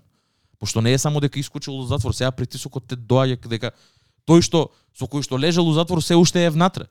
И тек сега притисокот, зашто си ти надвор? Тука е неговиот притисок, тука е таа борба. И тука и заради тоа се вика гифте на a curse, брат. Пошто колку е сега он слободен надвор, толку е уште толку устеги дека сите го судат сега за тоа што дека Јанг Так се уште е у затвор. И као не знам. Интересен интересен сплет на околности, интересна енергија има целиот албум и мене ми се свиѓа ова е добро. Ја ја би сакал Гана да она да пропелира од овде, да видам сега следно што е, као на пример у каков мајндсет ќе се најде и што како ќе се одвива ситуацијата и колку ќе му влијае све тоа што се дешава со со YSL, ама ко за почеток, ко за албум кој што е изваден месец дена од како искочи од затвор. Одличен. И се гледа дека е снимано, ова ништо не е снимено пред да, иде. Не брат, не можеш да избо да ги збориш овие ствари да звучиш како што звучиш ако е снимено пред Гласот му е сменет, не му е ист вокалот онака. Вокалот му е помеланхоличен него ли тоа што е, што што нормално е. Фаворити од албумот? Дефинитивно Бреден Бадер онака иако сингл, дефинитивно она нај hard hitting, аутрото, Fuck You Mean и Rodeo Drive онака кој Да. тие тие би ги зел кој една трака. За мене интрото Бекерит, значи Исто и Бекерит е многу добра. е едно Многу добра влага, многу добра ја влага, албумот го отвара многу добро. Ова стварно е јако као тоа е тоа, тоа ми треба. Да, да, да. И имам тука легнато и I don't know no more, but ама не знам дали не знам зашто не, не ми текнува моментов која песна. Ама да, мање више се слагам со твојот избор на тие се песни кои отскокнуваат, а- што гледам по по плейс на Spotify тие и некако имаат и најмногу плейс. Бренен Бара која беше сингл, Fuck You Mean има 14 милиони. Не, Fuck You Mean е многу добра песна. Тоа е најверојатно песната која отскокнува за сите, Родео Да. Drive најверојатно. Родео Драйв многу природно влага, многу добро транзитира Back у едната. Не се сеќавам која исто е така. Така да. Мање више се слагам не, тие не, 5-6 песни. да. Али, all in all, ја мислам дека ова е еден од албумите као, на пример, ако не сте и рапхед и ако не ви доаѓа гана да пуштите сами по себе, ама ако не, не, ви интересира тој сплет на околности, сето и ако можете, и ако, на пример, читате за YSL, за Рико Кейсот, мислам дека убаво би било да, да го преслушате и албумот, да, да го завршите се во ова као, као онака како прича. Сепак мислам дека треба да си фан на Гана или на тој Треба да тој си звук фан на да Гана. го пуштиш ова да го слушаш Преперсонално е. Па, ама да, ама и пак и пак е специфичен Гана звук брат. Со неговиот вокал, со Е. неговите мелодии, као ако Е. не ако немаш слушано Гана претходно нема ти легне ова. Реално да. Ова Реално е да. стари слично на Вана на пример, само што е многу потажно по-меланхолично и потанко. Да ги- го, го, го, нема го нема тој фан елементот избацен од, од целиот албум. А иначе пак звучи така као Да, бе, пак се тие вајби, да, ама као- тие се пак гитарките, пак се тие стринговите што си ги има, да, те, те сваќам. Те сваќам, али all in all мене до мене солиден солиден проект ми се свиѓа ово. Ретки се тие моменти каде што ми се свиѓа, ми се свиѓа онака трап проект и ова е еден од нив Ти дефинитивно. го гледаш од друга перспектива и му даваш друг друго значење и тоа е добро бидејќи да речеме си покритички настроен кон Гана и не си очекувал да извади вакво нешто за тоа ти е толку добро. Ама сакав да биде добро. Да, да. Сакав да биде добро. Тоа го кажав и на претходната епизода.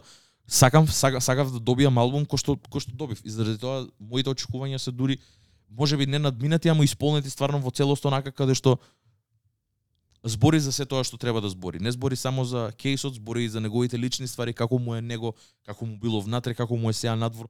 Дава други перспективи онака за кои што можеби на пример ко фан ти си обливиес на нив онака не едноставно не ги прецепираш, ама на пример чиме овде он да ти ги каже, има потреба да ти ги каже. Значи он чувствува сам потреба да да ти ги сподели. Така да Гана, I Gift and a Curse, Не е солиден, сигурно. соли, солиден, соли, солиден проект треба да се слушне. Следно? Business is business. Точно. Is business. Young Tag а, се уште се уште под се уште у затвор Freaking Slime. А, со надеж дека стварно нема не, не, не, не е тоа вистински што што да зборат у судовите дека убивал луѓе. А, Абе, види, збориме за музиката сега. Да. Ама како и да е, многу интересно. Имаше имаше интересни моменти на социјал медија. На пример, ова ми беше интересно бидејќи беше постирано само кокот, код, него скенирав кодот, видов онака прочитав некаде дека како носи на некој некоја страна каде што се збори за бизнес из бизнес, поставено е а, и албумот онака беше изваден од, од страна на Метро Бумен, предпоставувам. Значи тој е тој е екзекутив продусер на на целиот проект и кога из и кога искочи го отворив прво нешто што проверив е целата трак листа онака како е да ја пролистам уште пред да пуштам албумот. Да го видов каверот и бев надежен, ама знаев дека нема да е тоа што очекувам ја. Мислам што очекувам, што сакам ја, бидејќи так так ги уште се уште позади затвори, позади решетки, не може да да снима нова музика. И си викам, окей, го гледам Дрейк на две места, гледам дека има добри фичерс, онака гледам Треви Скот на две места, 21 Savage. Викам, ајде ќе пуштам и пуштам, пуштам интрото. Толку. Така. 10 пати го вратив. Така. 10 пати го вратив назад. Значи, не знам, не знам што го има удрено на Дрейк онака да влезе у тоа 2015 Брат, ова е views, тоа е ова е пред views. Nothing was она не не nothing was the same if you're reading this is too Да. late. Тој Дрейк онака као со Jungle, со Мадона, Да тако вајби Дрейк онака многу добро. И ме израдува искрено тоа пошто како он почнува која е таков буквално онака ко, ко плаче на таков е Дрейк до тој момент и го имаш го имаш фон колот Кап Кауни онака го слушаш так и мене оба одма си викам окей го гледам и каверот леле викам ако е ова онака нешто направено толку лудо да не се ствари стари снимени едноставно да е легит албум некако измакнат од таг и сега да збори за конкретна ситуација што кур се деша, ќе збеснам. Као до, го добивме Гана и сега го добиваме ова брат, we eaten, ме разбираш? Ама набрзо сватив дека не е тоа не е тоа случај дека е се уствари стари ствари, ама мило ми е дека Метро си има потрудено да го направи тоа за интрото да биде такво кој што е. Стварно ме внесе онака у посебен мут, го гледам и каверот, каверот е многу хард онака лево и десно, с- она он е у он гледа само позади кон камерата, сите други се свртени. И тоа го баш баш зборев со со луѓе онака една група зборев за како ми фали белец судија горе на на на на на на, на, на седлото. Таму е празно местото, нема онака мене ми фали еден белец онака судија, врховен судија да има амерички. Не знам зашо, као маната ми каже вика знам зашо, ама ајде да не коментираме, демек да, да не збориме за за the elephant of the room, дека поврзано е пак и со расизам и со и со систематизација и све тоа на на црната популација во Америка. И брат го преслушав албумов и онака сваќам дека сваќам дека као ова се сваќам зашо се прави, сигурен сум дека и на YSL и ко лейбл и на неговата фамилија им требаат пари. А и Така да, друго. Run it up. Нека врти. Да. И сваќам дека од, од тој аспект е многу бенефишал за да се извади, за да се стварно, бидејќи верувам дека тоа ова кошта премногу и ги кошта. И Гана тоа го збори во една песна дека демек луѓе не се свесни колку милиони изгубивме. Сега е време ја да ги вратам парите, да почнам да правам пак милиони назад, за да ги вратам бидејќи имаше луѓе што гладуваа. Пошто сваќам и таа динамика каде што многу луѓе се стојат позади нив, им се екипа и грб и едноставно се хранат од од парите кои што ги заработуваат они. Така и со так. Исто е со так, така има своја фамилија, има браќа, има ме разбираш, има братучеди онака кои што живеат од сето тоа, од неговата музика. И сваќам дека ова е тоа, ама за прв пат не ми смета, најчесто мразам кеш гребинг моменти онака бидејќи еве на пример так не е слободен, така у затворе, он може едноставно да добие 500 долари да си купи читос у комисери. не му требаат пари поише, ме разбираш, ама неговата фамилија треба да живее. Така можам да повлечам паралела, иако значи, не споредувам дека мртов човек и затворен човек е иста ствар, ама нели, као исто е со постхум постхумус албуми каде што најчесто се кеш гребинг моменти. Ова не ми смета бидејќи знам дека луѓе има кои што онака и као музикава е извадена и снимена и снимена пред тој да замене, дури и се појави снипети од студија со артистиве со кои што снима. Ама не ми дава добар теист, брат. Има добри песни, ама не ми остава добар теист од кога ќе го завршам албумот, не ми да немам имам лош афтер теист онака од што го слушам, дека знам дека човеков у затвор, ме разбираш? Тоа таму ми е конфликтот. Као добивме втор добар трап албум од YSL, има добри моменти, не толку добри како на Гана. Ја тоа ќе кажам, мене мене, мене на Гана албумот поише ми се свија неголи од на Young Thug. Пак Треви Скот ми е стерилен, 21 ми е стерилен, онака излитени ми се тие фичерс, брат. Не знам зошто, кога кога се на фичерс не не ми е тоа кој што кој што кој што очекувам да биде. Не знам зошто. пати слушнато за тоа. Тоа, тоа ми е. Дека колку пати ќе ослушнам Треви Скот брат на и 21 на иста трака и исто звучат секој пат брат. И пак се на Метро Бумин продукција, ме разбираш? И пак е слично тоа, и пак е истиот муавет брат. А, дали- Ово е у затвор овие зборат за Бентлито дека го рокале низ Атланта брат. И ми остава лош aftertaste, ме разбираш? Има многу добри песни, има многу добри песни, за добро или за, за полошо или за подобро се, и двете се со Дрейк брат на нив, реално. И сватете го као сагате тоа што сагате, пошто онака по, по големиот поголемиот дел на луѓе се хейтери на Дрейк, на двете нај, и двете најдобри песни што ќе се од албумот ќе останат тие што Дрейк што е на нив. Мене најдобра ми е со Future, брат. Cars Bring Добро. Me Out. Ка, да, та, таа можеби е Таа ми е една најдобрата таа е, песна. може, да, знам дека и ја сподели. А, таа може би е един, единствениот исклучок од сите тие, брат. Има добри песни, али на пример мене ми се свиѓа Jonesboro ми се свиѓа, Ја ја збори таа, да, да, да. да, Джонсборо ми се свиѓа, по- пошто не ни знаев, као Джонсборо, завчер имав шофер у Джонсборо, беше исто вараше. И онака као знам каде точно се наоѓа на мапа. Знам дека е доле Јужна Атланта, знам дека не е Атланта и не знаев дека он потекнува од таму. Дж- Джонсборо е брат сел, село. Градче, мало такво е, рурално, не е Валја он си има после префрлено у Атланта да живее повнатре у по, по, по урбаниот дел од градот, али има има добри моменти и ми се свиѓа дека ги има тие моменти, ама не е не е тоа што сакам да го слушнам, не не во овој момент. И онака го слушнав неколку пати, има моменти кај што ми се свиѓаат, дефинитивно Cars Bring Me Out со Future, Future е феноменален овде. Али не знам, All You Went со Drake ми е исто така и тоа All You Went поише ми е Drake песна, Да. даена на Young Thug, која мислам дека било обратно, како Drake featuring Young Thug, а не Young Thug featuring Drake, пошто и битот е пик Drake онака. А, ама тие се песните, брат. Jonesboro, All You Went и Parade on Cleveland. Тие ми се и ете. Cars Bring Me Out. Тие се четири песни кои што ми одскокнуваат, све друго можам без него. Ме разбираш као Одма и тие тие песни не само што ги имам лайкнато, веќе ги имам стаено во веќе ги имам стаено во во ова, во во плейлисти. Пошто ми се свиѓаат. Не, лажам. Имам уште една песна, песната со Lil Uzi Vert ми се свиѓа. Hellcat ми се свиѓа. Таа ми е добра. Таа ми е онака малце поспецифична и ми се свиѓа. Тие се единствените, каде што пошо пошо и, и Lil Uzi не не преовладува само влага ептен на крајот кон крајот на песната.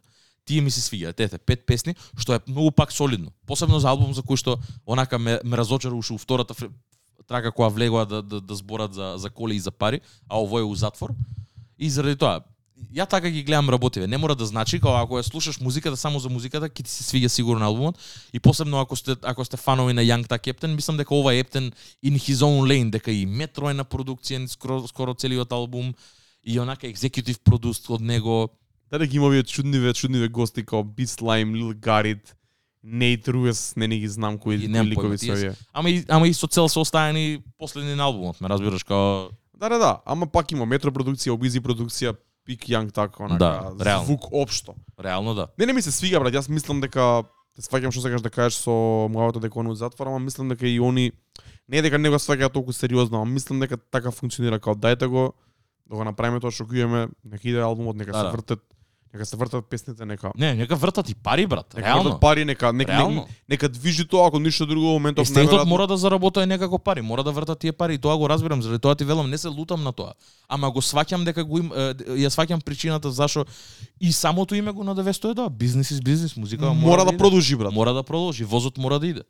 Точно. Тоа го сваќам. Мене ми се свига тој момент, брат. Тоа, не, види, концептуално и вака кога ќе си го врзаш у глава има многу смисла. Бизнес из бизнес, човеков у затвора И имаме гет го од него и зелено светло да ја вадиме музикава што треба да ја вадиме. Јанг так има пресечено дека ќе се извади музика од никој друг. Така да добро е. така и се појави тоа. А, Дрейко онака го имаше постирано, исто Баркодов имаше постирано дека искача албумов и само имаше пишано You owe me big time нешто едно друго. И уствари така се и дозна дека Дрейк уствари го посполнал својот албум за месец дена за да му даде на Јанг так еден месец за да може да да живее албумот да да Аха, тоа тоа беше причата? Тоа беше прича, тоа тоа била причата со You Owe Me This Time. Као демек ми дужиш за дека не го извадив и албумот у исто време. Та тоа и као Ама она за банција кажам. вајда. Предпоставам, пошто има да, две, траки песни, овде, да, да, ме да. разбираш, ка не Ама добар момент. Мислам добро е и за YSL дека искачаат и два албуми онака. Не знам стварно која е динамиката помеѓу нив двајца, не се збори за тоа. Ама добивме два солидни албуми кои што вреди да се чујат. Ете, едниот ми се свија поише од другиот. Немам лоши зборови за двата да кажам, ама едниот ми остава лош афтер, она лош лош афтер тез дека го зимам ја и тоа предвид. Ако не го зимате тоа предвид, мислам дека нема да имате проблем. А, денес исто така се појави и а, Metro's version на албумов, а, која што се истите песни само во друг редослед и уште, уште, една екстра песна ако не се лажам. А, песната се вика на Sake of My Kids. Таа е единствената песна која што е вакво. Има 17 песни албумов, така да може би Плюс две. значи плюс две. Не знам која е која е друга. А, да. Money со Juice WRLD и Nicki Minaj. Таа е таа е таа е другата песна. Така да ова е замислата на Метро, у смисла како би бил албумот, а, би бил она. Вакво и интересно е дека отвара со Jonesboro. Овде интро е стаја на Jonesboro, а не е стаја на на Дрейк. фер, за интро. Така да за интро за интро исто исто така е добра, каде бидејќи стварно онака кажува и од кај потекнува и што прел низ животов, како му било детството. Добро е. Добар момент, слично како Делукс, ама ајде, маца со поинаков шмек. Со поинаков шмек. Океј. Ќе Ама не знам, не знам, не знам, не знам дали треба после два дена од кога искочи албумот да го извадиш ова. Стварно не знам како функционира DSP и со и со броење стримови и со све. Не знам дали се префрлаат, немам Не, не појма што префрлаат сигурно. Не ми е јасно ова брат. Не е онака два албуми у два дена добиваш две екстра песни толку. Проблемот е што не можеш да се снајдеш кај него на профилот, што да пуштиш сега, што е што, кој е што, е кај главното, Метро кој Бумин. не е. Кај Метро Бумин отворете го проектот, отворете го профилот е хаос. Хаотично е многу. Не можам да се снајдам. Spider-Verse, има 6 верзии, Метро Бумин има 3 верзии. Гледаш, не, е ни- не е ни каверот различен, не, не знаеш кој албум да го пуштиш, брат. Не бе, само е зелено со плаво нешто, така е. Као боите само е се, се многу сменети. Не, не зборам за Young Tag, за Метро вржен и за обичниот. Тоа да. Тоа да. Така да... А вреди? Ќе видиме дали нешто ќе влезе Сарато, баш ме интересира. Односно ќе влезат песни Сарато, ама дали ќе влезат во ротација? Oh, you went? Мислиш дека нема да можеш да, ја- да ја вртиш? Мислам дека Cars Bring Me Out, ама ќе вртам за кеф, мислам дека нема да има некој Да, ефект. тоа која ќе која ќе да, да, реално да, не верувам дека некоја од овие ќе стане хит хит помеѓу Да. луѓе луѓе. Може би на пример онака луѓе кои што ги почитуваат и кои што се фанови на Таг и на Гана, може би ќе имаат онака фаворити и ќе има ќе сакаат тие песни да ги чујат у клуб, ама знаат и они знаат дека шансите да тие песни да бидат пуштени се многу ниски. Ме Да, разбираш? да. И онака ќе биде ептен ако се деси онака да пушташ некаде и да има некој таков човек у публика и да му го направиш кефот, кој иста рек да му биде. Ме разбираш, као никад не би очекувал дека ќе ја чујам песна, ама проаѓа. Таков момент. Тие се тие се ова се два трап албуми и ќе збориме и за трет на брзина, можеби би, би ги рекол четири албуми, трап албуми ги имаме денес. Од кои што ете, едниот е Deluxe, а кој што мене ми се свиѓа многу брат. Мене ми се свиѓа многу. И така да еве да видиме, не знам што значи тоа за мене за и за за дали, нели, за со мојот со мојот станс дека ете трап музика се поише и поише не ми се свиѓа. Ама Брат, пак се остатоци, leftovers од се тоа што било пикот и праймот на Young Tag и на сите други артисти кои се наоѓаат тука, па дури на Drake. да, реално да. On to the next one. On to the next one. Новиот, кој што го спомнав, делукс изданието, Glaucoma 2, Key Glock. Брат, многу добро. Не јам преслушан ова, уствари делуксот на Ова, Glaucoma. ова, ова, е, ова е делуксот на Glaucoma 2. А, го зборевме Glaucoma, а, дека е солиден трап Да. албум, онака, no features. Да. И албумот завршува со песна што се вика Fuck a Feature. Дърт е феноменално интро и единствената која што онака ми е во ротација од тој албум онака константно, кај што ја слушам цело време. И баш се сподели кај нас на Дискордот, брат, има нови 7 песни, ако не се лажам, или 8. А, че колку се? Една, две, три, Албумот е многу солиден, пак нема features, пак е без features онака и, и за разлика од сите други делукс изданија до сега, новите песни се стаени горе, што многу ми се свига. Многу ми се свига као Не ми ги ставај после последните две траки, онака да треба да скролнам 30 траки за да стигнам до последните две што се на делуксот. И ги слушнав и буквално само само само само ги само ги слушав тие 8 траки и ми се свиѓаат. Пак е онака пик, многу солидни, ништо не, нема ништо outstanding, ама се многу добри солидни трап битови и тоа што си го збори е класик киглак шит што онака како сега можам да кажам дека не сум фан ама како сум обожавател на човеков, како стварно прифатиш, го да. прифаќам човеков како, како трап артист, кој еден од пред мој мило ми е дека он е од Мемфис, така? Да. Со Moneybag Yo, сега знам дека има таму некој аним- анимоситет, нешто едно друго, дека Moneybag Yo е поголем не, од од Киглак и тука постои, ама пак се на еден начин предводници на тој прав трап звук, онака чист, чист трап звук, без никакви примеси. Да, Moneybag Yo иде поише во Поише Во сега мејнстримот може и- во мејнстрим да влезе, да, си, има, си, си го има дозволено тоа. Али овде има има ен- две две многу добри, мислам интрото е многу добро интрото, као интрото на на на, на Deluxe-от, Sucker Free и Lean Habits. Lean Habits е феноменален онака треп бенгер и мислам дека сега покрај Dirt ќе ми е втората песна која што ќе ми влезе у ротација константна и вреди да се чуе онака. Као седум траки се многу лесно проаѓаат, нема да ги осетиш кога се кога ќе ги проидеш, ама вреди онака. Посебно ако сте фан на Киглак, ја не сум, али онака од љубопитност и од тоа што беше Глакоума Цу кога го слушавме кога искочи. А, не знам, многу ме добро ме удри брат, стварно. ќе се преслуша. Као седум траки се ништо посебно, али сите солидни. Нема лоша трака, ме разбираш? Нема нема нешто за кое што можеш да кажеш катастрофа. Нема. И заради тоа мене ми се свиѓа дека најчесто у трап музика или битот него бива или онака ќе биде. Ова е добро, онака репетитивно е да. Има многу Намерно е така, брат. Ама намерно е направено дека музиката е таква. И направено е со шмек, направено е негов стил. И не можам тоа да го хейтам, можам само да го почитувам и заради тоа Киглак ми сакав да го спомнам многу на кратко онака чисто да да го спомнам дека вреди да се слушни и онака uh, Lean Habits и Sucker Free као две песни од 7, од 8 ми се сосема доволно као два, две траки да си имам. И другите се добри, има еден no hook онака каде што нема хук. И онака ти каже, no hook е песна, ме разбираш, и влага и само рапое, рапое, рапое, две и пол минути, брат. Топе.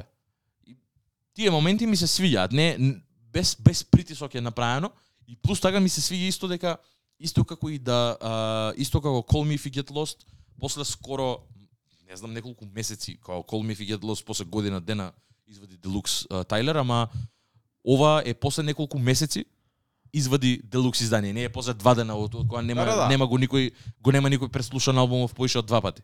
Веќе е легнато. Веќе е легнато и сега си дава плюс. И мене ми се свија тоа. Тоа ми е окей. Така да shout out to Kigluck. Чујте чу, чујте чујте го делуксот и е, се надевам дека ќе се надевам дека ќе ви се свија. Може да завршам јас со моите со моите албуми да се префрлиме на твоите. Сега се више делиме овде кај што имаме Дарко селекција, имаме Трајче селекција и Да, да, да продолжиме со хип-хоп, ја ga завршам малце со афро. Да. Следниот албум, за кој што сакам да зборам исто така ќе бидам брз, е Killer, новиот албум на Killer Mike и се вика Michael. И е дефинитивно најдобриот Killer Mike албум кој што го има извадено. Killer Mike е а, човек, артист, а, легенда, онака, од Атланта, кој што е дел од дуото Run Джулс. Jewels, го имаме зборено Run Джулс, Jewels, ги имаме зборено со Run Джулс Jewels 4, а, и дека се многу влијателни во тоа што во, во, во нивниот правец што го прават, музиката која што ја креираат. А, колку се интуитивни, колку се онака инженија стварно за, за звукот кој што го негуваат они. И кога го најави, кога го најави а, албумов, онака не знаев што да очекувам, само се појави слика од него као дете, као high school graduation фото можеби или основно училиште онака на сива позадина, целиот таков насмеан и окей, прва песна која што извади као сингл беше Run со Young Thug. Феноменална песна онака брат. Young Thug го немам слушаното у такво у, у такво у такво светло, таква тематика да обработува онака Young Thug збори за коли, ама паралелно збори за како црнците она, сега young uh, run nigga run као буквално цело време се се користат тие као бегаш ама ама бегаш ама и трчаш кон некаде, ме разбираш, као цело време бегаат од нешто ама и трчаат кон нешто. Има многу јака порака. Така и целиот албум добиваше на многу јака слика. Албумот е а, бисам ја нит сум дел од таа култура, нит онака, ама од моето лаечко знаење тоа што ми интересира цело време ко а, ко човек кој што ужива у културава. А, албумов е онака ко црква брат, Sunday, Church on a Sunday и ци- а, семпловите внатре се користат хорови, се користи многу госпел мюзик, сол мюзик, онака семпловите и, и е трап албум. Труен, труен трап албум, нема друго ништо освен трап битови. И знаеки го Killer Mike, rap music неговиот албум од, од 2010-та, соло и после сите четири че- четири албуми што ги има извадено после тоа ко, ко Rando Jewels сите онака имаат премногу трап елементи. Али ова ептен, ептен, ептен ме, ме извади од патики онака дека и може би сега за сега, може би сега за сега од вака од тие поголеми релисес кај што има и поголеми features, ми еден од омилените. А, ке наба ке почнам, а, кој што кажав, го има Young Tag на албумов, го има Silo Green, а, го има Black, ги има Jagged Edge, кои што исто така се легендарни R&B, R&B група онака од 90-ти. Го има Andre 3000, го има Future, и тоа на иста трака. Како звучи тоа? Го има тај долар сајн феноменално. Феноменално, брат. Го има Currency, Two Chains, а, им, го има LP и го има тај долар сајн уште на трака. Многу интересни артисти со кои што онака не очекуваш, не очекуваш Killer Mike да соработува со нив. А, освен LP на пример или вакво. Ама има овде многу јака прича. А, 90% од артистиве, освен можеби тај долар сајн, не знам тај долар сајн од кај, се надам, мислам дека не е од Атланта Не, не, currency не. и Currency од Нью Орлеанс, да. А, ама сите други се од Атланта. Значи Andre 3000, Future. А, многу луѓе не знаат исто така, морам да го кажам. А, они се факт, де факто група. Последат која група? Dungeon Family, Добро. Killer Mike, Silo Green, Andre 3000, Future се дел од Dungeon Family. На интрото, uh, Down by Law, uh, кој, кој, што, кој што гостува Silo Green, Рико Уейт, кој што е главниот продуцент на Organized Noise и е главниот продуцент на на на еден од главните продуценти уште на почетоците на на Outkast е он е, е човек гла- главниот човек кој што има создаден од uh, Dungeon Family. А, он е на интрото кој што збори за Атланта, збори за и е таков е многу ептене, албумот е многу она како да кажам врежен у, у Атланта. Ептен, ептен, ептен. Не е не е Америка, не е black culture, туку е black culture in Atlanta. И е многу интересен. Као стварно инака има елементи кои што не ни можеш да ги сватиш, се збори за многу сериозни теми, многу интроспективен, многу ретроспективен онака, збори за негови моменти онака за лета кои што ги памти код дете, онака 17-18 години и имал имал, имал ја забременил женска му женска му абортирала. И као има многу јак момент каде што онака како а после втората неќе да го неќе да абортира, сака да го задржи детето и овој вика ама ја бегам као сакам милионер да станам, не можам со дете во гетова да останам и као демек што ќе правиш ти со животот и ова му вика I'll be fine као и он иди и као овде дава одма перспектива дека е у Париз дека е со најголемите рапери моментално и дека е бизнисмен и дека има барбершопс низ Атланта што онака се делка од комјунити си имаат на самото као има многу јако како тако гледа на пример и дека потекнува од полициска фамилија, аз бори за полициска бруталност, татко му е полицаец, брат му е полицаец ден денес. Ама он е против полицијата, ме разбираш, има дома во фамилија двајца полицајци. Има многу интересни моменти кои што онака си викаш као као што куре ова брат и кој што ја спомна, мислам, ме праша каква е песната со Andre 3000 и Future, која ја видов врат збеснав, онака не ми беше не ми ни беше јасно дека ова може оваков спој може да се деси. Не ми беше јасно. Песната се вика Scientists and Engineers и као а, Andre 3000 има многу добар врз кој секат има многу добра врска што збори онака и за лета Јепнене вакво и Future доаѓа и си збори за коли онака. Real trap shit онака, не можеш да го извадиш од то тоа брат. Не не го тераш брат Future да биде ретроспективен на на, на нечив друг албум, ме разбираш као ќе биде на негов албум која која му се сака, али многу добро звучи брат. Целиот албум многу добро звучи, има такви многу добри моменти онака кои што си викаш што куре ова Онака збори, еве, има една песна, сега се присетив, има Something for Junkies, се вика, каде што збори за, за унеговата неговата фамилија, дека имала тетка, дека имал тетка што правела и креки све живо иди, и хероин и онака. Ептен, ептен, ептен, врежан у тоа неговото, ако ептен у неговата фамилија, све тоа што му се дешавало, неговите трауми, ама и Атланта као цел град и као што како го има на теренот. И е многу добро дека голем дел од фичер од сите, од сите луѓе кои што се на албумов се цел од Атланта и сите малце некако на свој начин, па дури и Future кој што се смеам, ама пак не тоа му е не му Атланта, ме разбираш, као тоа е на свој на свој начин си го кажува све тоа што си го кажува и е многу добро брат. И многу ме изненади дека Килер Майк од сега сум го сметал за многу талентиран артист, ама не вака. Не вака, искрено. Како мислиш? Па не вака, брат. Многу по soulful инструментали, госпел инструментали. Не знам, онака, као солиден, солиден, солиден проект. Нема извадено од дамна соло албум, мислам дека 2010 е последниот оној кој, кој што исто така е многу highly highly rated од од луѓе и од такви рап народови кои што кои што го слушале Killer Mike пред вакво. Ама мене овој ми е боле, ја ги имам слушано и двата, тој го слушав уште тоаш кога искочи онаку уште тоа ба, баш блогерата. Овој поише ми се свија. Ја ја не сум ни врсник со Killer Mike, Killer Mike е многу повозрасен на 40 и кусур години има, ама стварите кои што ги збори онака не, не дека до тој степен си имаат дешавано, ама збори и за лета онака каде што си имал и другари и девојки и свето и како интересно е, добар спој и сплет на околности, добри причи кажува внатре, онака ги испоистоветува со свој со свој искуства И потекнуваат од, од потекнуваат од висти, се вистински причини, приказни уствари. И не знам, и остави добар онака со со насмевка са Вајле, пак го слушав пред да пред да почнеме да снимаме.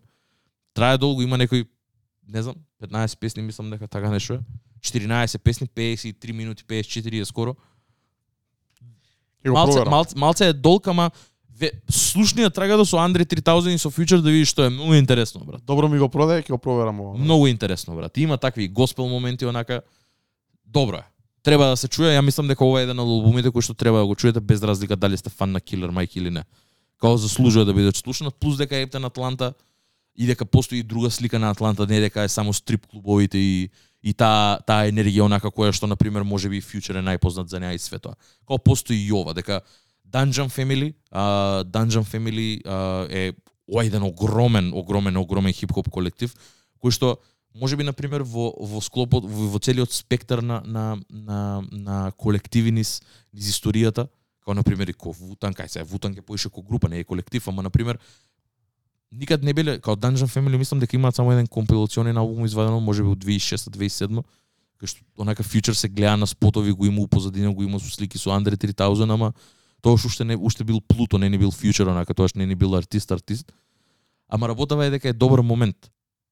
Добар момент. Dungeon Family не знам дали имаш читано за Dungeon Family имаш имаш вака истражувано некад? Не, јас знам дека Future бил дел од тоа и знам дека Сило Грин и целата екипа од Атланта се, ама мислам дека нема оставено нека што викаш ти вака бар не ми текнува музика од нив и мислам дека се поише по немаат. афилијација. по, аф- по афилијација и тоа буквално ги онака поврташ ти можеш да кажеш Да. дека се многу успешна, и многу уникатна група во целиот тој спектар, ама го Не се група. својот печат. не се група не се група не се група Колектив се едно. колектив. А, ама знаеш како? Многу интересен момент дека Killer Mike онака има успеано голем дел од нив да ги да ги да ги собере како Organized Confusion, а, Rico Wade е легендарен продуцент од 2000-те кој што има стварно огромни хитови, има многу придонесено кон хип-хоп музиката. Goody Map заедно со Сило Грин исто така легендарни онака Сило Грин е еден од најлегендарните вокали на хип-хоп у хип-хопов, онака најспецифичните, не можеш да го промашиш ако го чуеш. Гледајте Hop Evolution за овие работи. Дефинитивно, дефинитивно многу вреди. Мислам дека се спомнува за Помнува тара Се да да. спомнува за Dungeon Family и со слики и со све. Андри 3000 онака тука се сите, тука се сите Бамби онака легенди, легенди, легенди на на на Бамби не, Не, не. Бамби, извини, како се викаш овој Big Boy бе брат. Big Boy. Да, да, да. Andre 3000, Big Boy Future, Да, Big Group, не знам кој е тој. не знам кој е тоа. Put him up, including Silo Green Ја пошто годима Сило Грин после искочи од годима. и другите се Cool Breeze, Debra Killings, Concrete, Organized Noise, Joey Killer Mike, Witch Doctor. Според Википедија. Да, тоа е о, огромна група на луѓе кои што онака се based у Атланта и се онака имаат оставено свој трак и на интернационалната сцена, ама и во на домашната сцена и заради тоа дава албумов дава до, добра перспектива дека не е само Атланта Chicken Wings, Stripper Clubs и и таа култура што е онака трап вако, а пак е трап албум. Ќе го чуеш, ќе ја пуштам после од кога ќе завршиме со снимањето. Чисто ме интересира да видам како ќе те Ваш. како ќе дека и фьючер е на трака да ме разбираш, како имаш инцентив да го чуеш да видиш Да, како. да, да, дефинитивно. Да. Така да all in all добар албум и ете, се надам дека ќе ве натера исто ко Дарко онака што му го продав. Се надам дека и вас ќе ви го продавам и ќе ќе чуете и еве, ќе ви се свиѓа дури. Се надам, сакам да ви се сакам да ви се свиѓа пошто на пример еве го има и Blessed, као и да се вика овој uh, BLX вајде, да. Да, као и го има и него на албумов. А, има има добри има добри моменти. Има добри моменти. Така да Killer Mike, Michael, нов албум треба да се чуе. И Следно? ќе продолжам уште еден многу кратко, само ќе го спомнам и овој. А, ова е можеби можеби најблиското до тоа што Дарко онака го збори, а, мислам и ќе го збори со и со не, не афро конкретно музика, ама онака по алтернативна контем, contemporary R&B music. А, артистов го имам зборено, артистов се вика Black Odyssey, а, онака стилизиране БЛК Odyssey.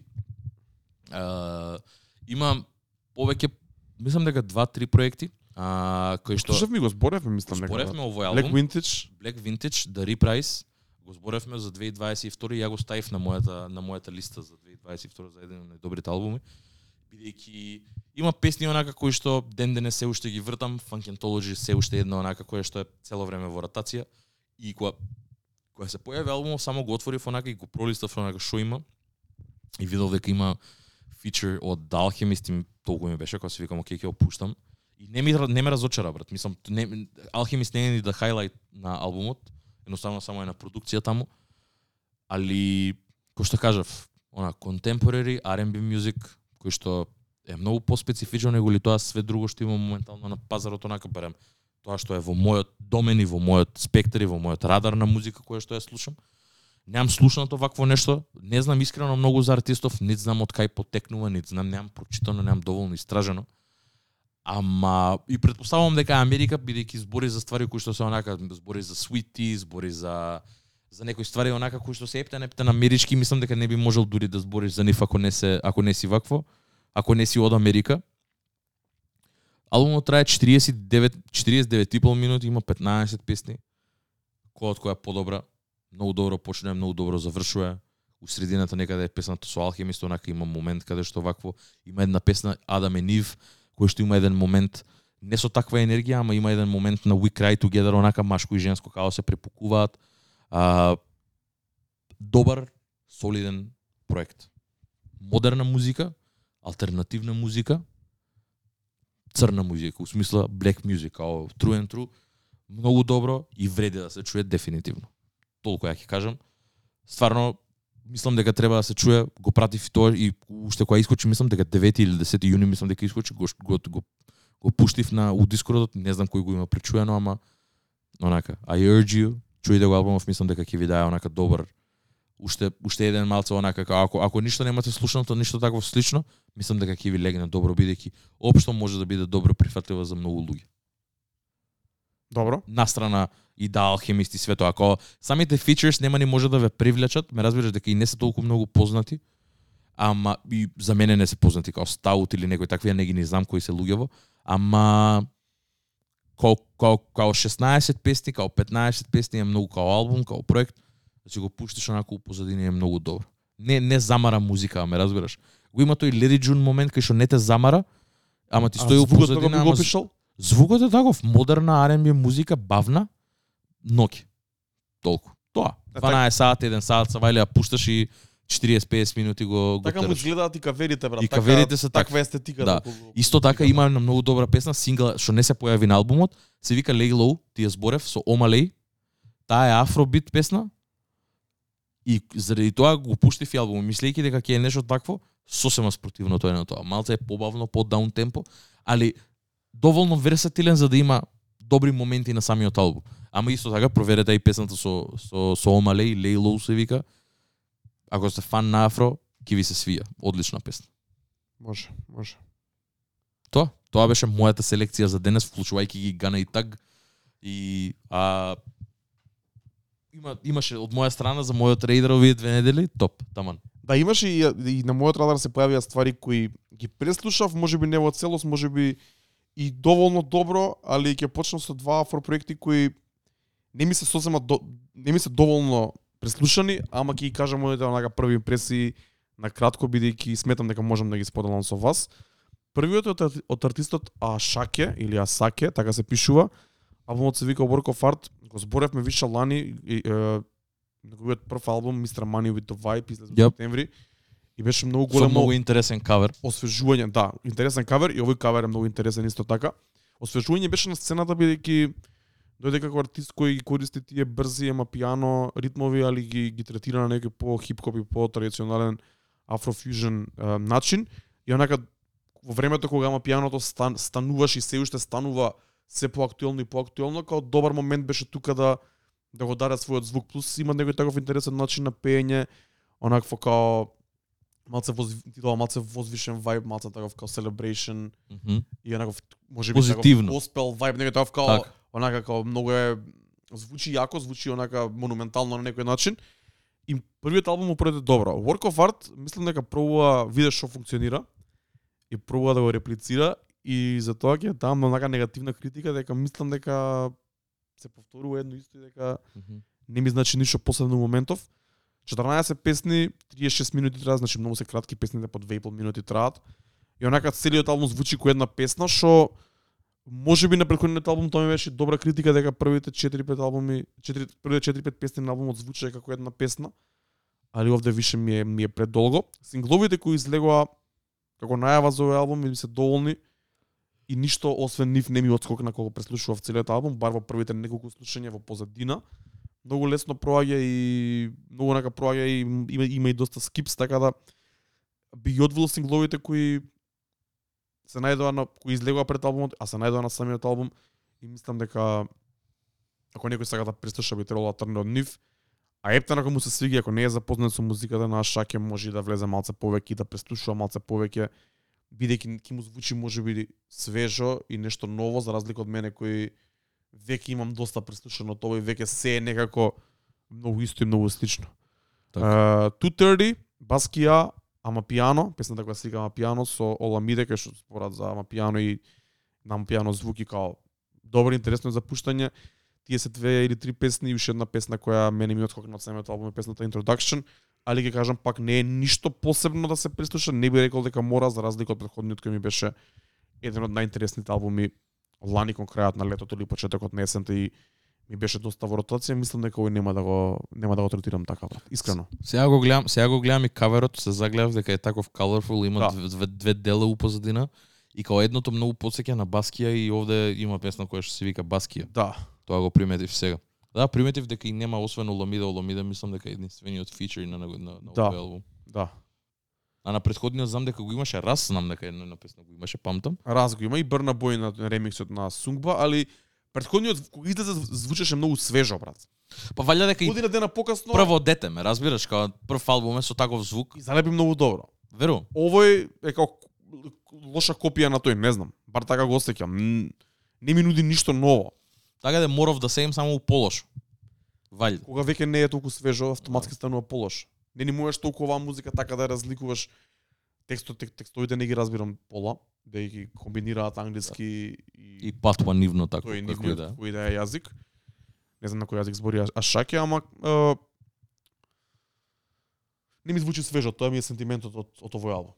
За разлика од следниот албум, женскиот артист Амаре, предпос се надам дека читам правилно, Амаре, Амаре, е, една од најинтересните млади женски артисти кои доаѓаат од Нигерија, од алте сцената, алте афро, збориме со години за тој правец кој алтернативен афрозвук и односно алтернативниот звук кој доаѓа од Нигерија кој има секакви влијанија, Така. она и на пrekоните проекти имаше многу и некои рок влијание, некои такви гитарски моменти и бендовски моменти.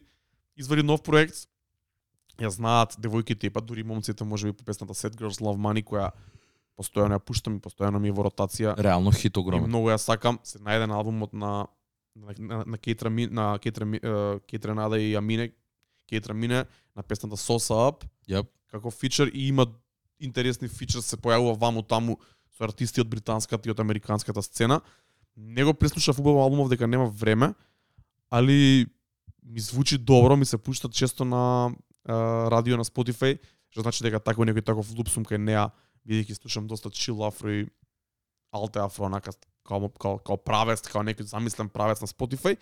Албумот се вика а, Fountain Baby, вајде така се чита, Фонтана како се чита на англиски. Fountain Baby. Fountain Baby.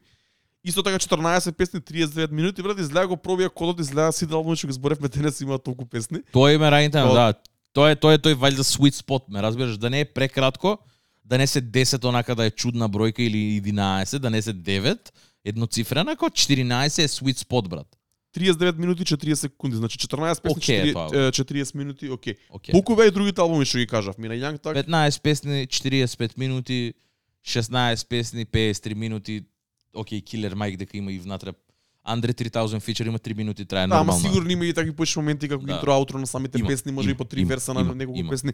Ова е модерна музика која каква е таква е, сите песни траат многу кратко, помалку од 3 минути да, траат и реално, и на- да. И плюс кога нема фичерс, а она нема нема фичерс на овој албум. Тоа. Сама е 2,5 минути сосема доволно за два или три рефрени, два верса или еден верс и еден.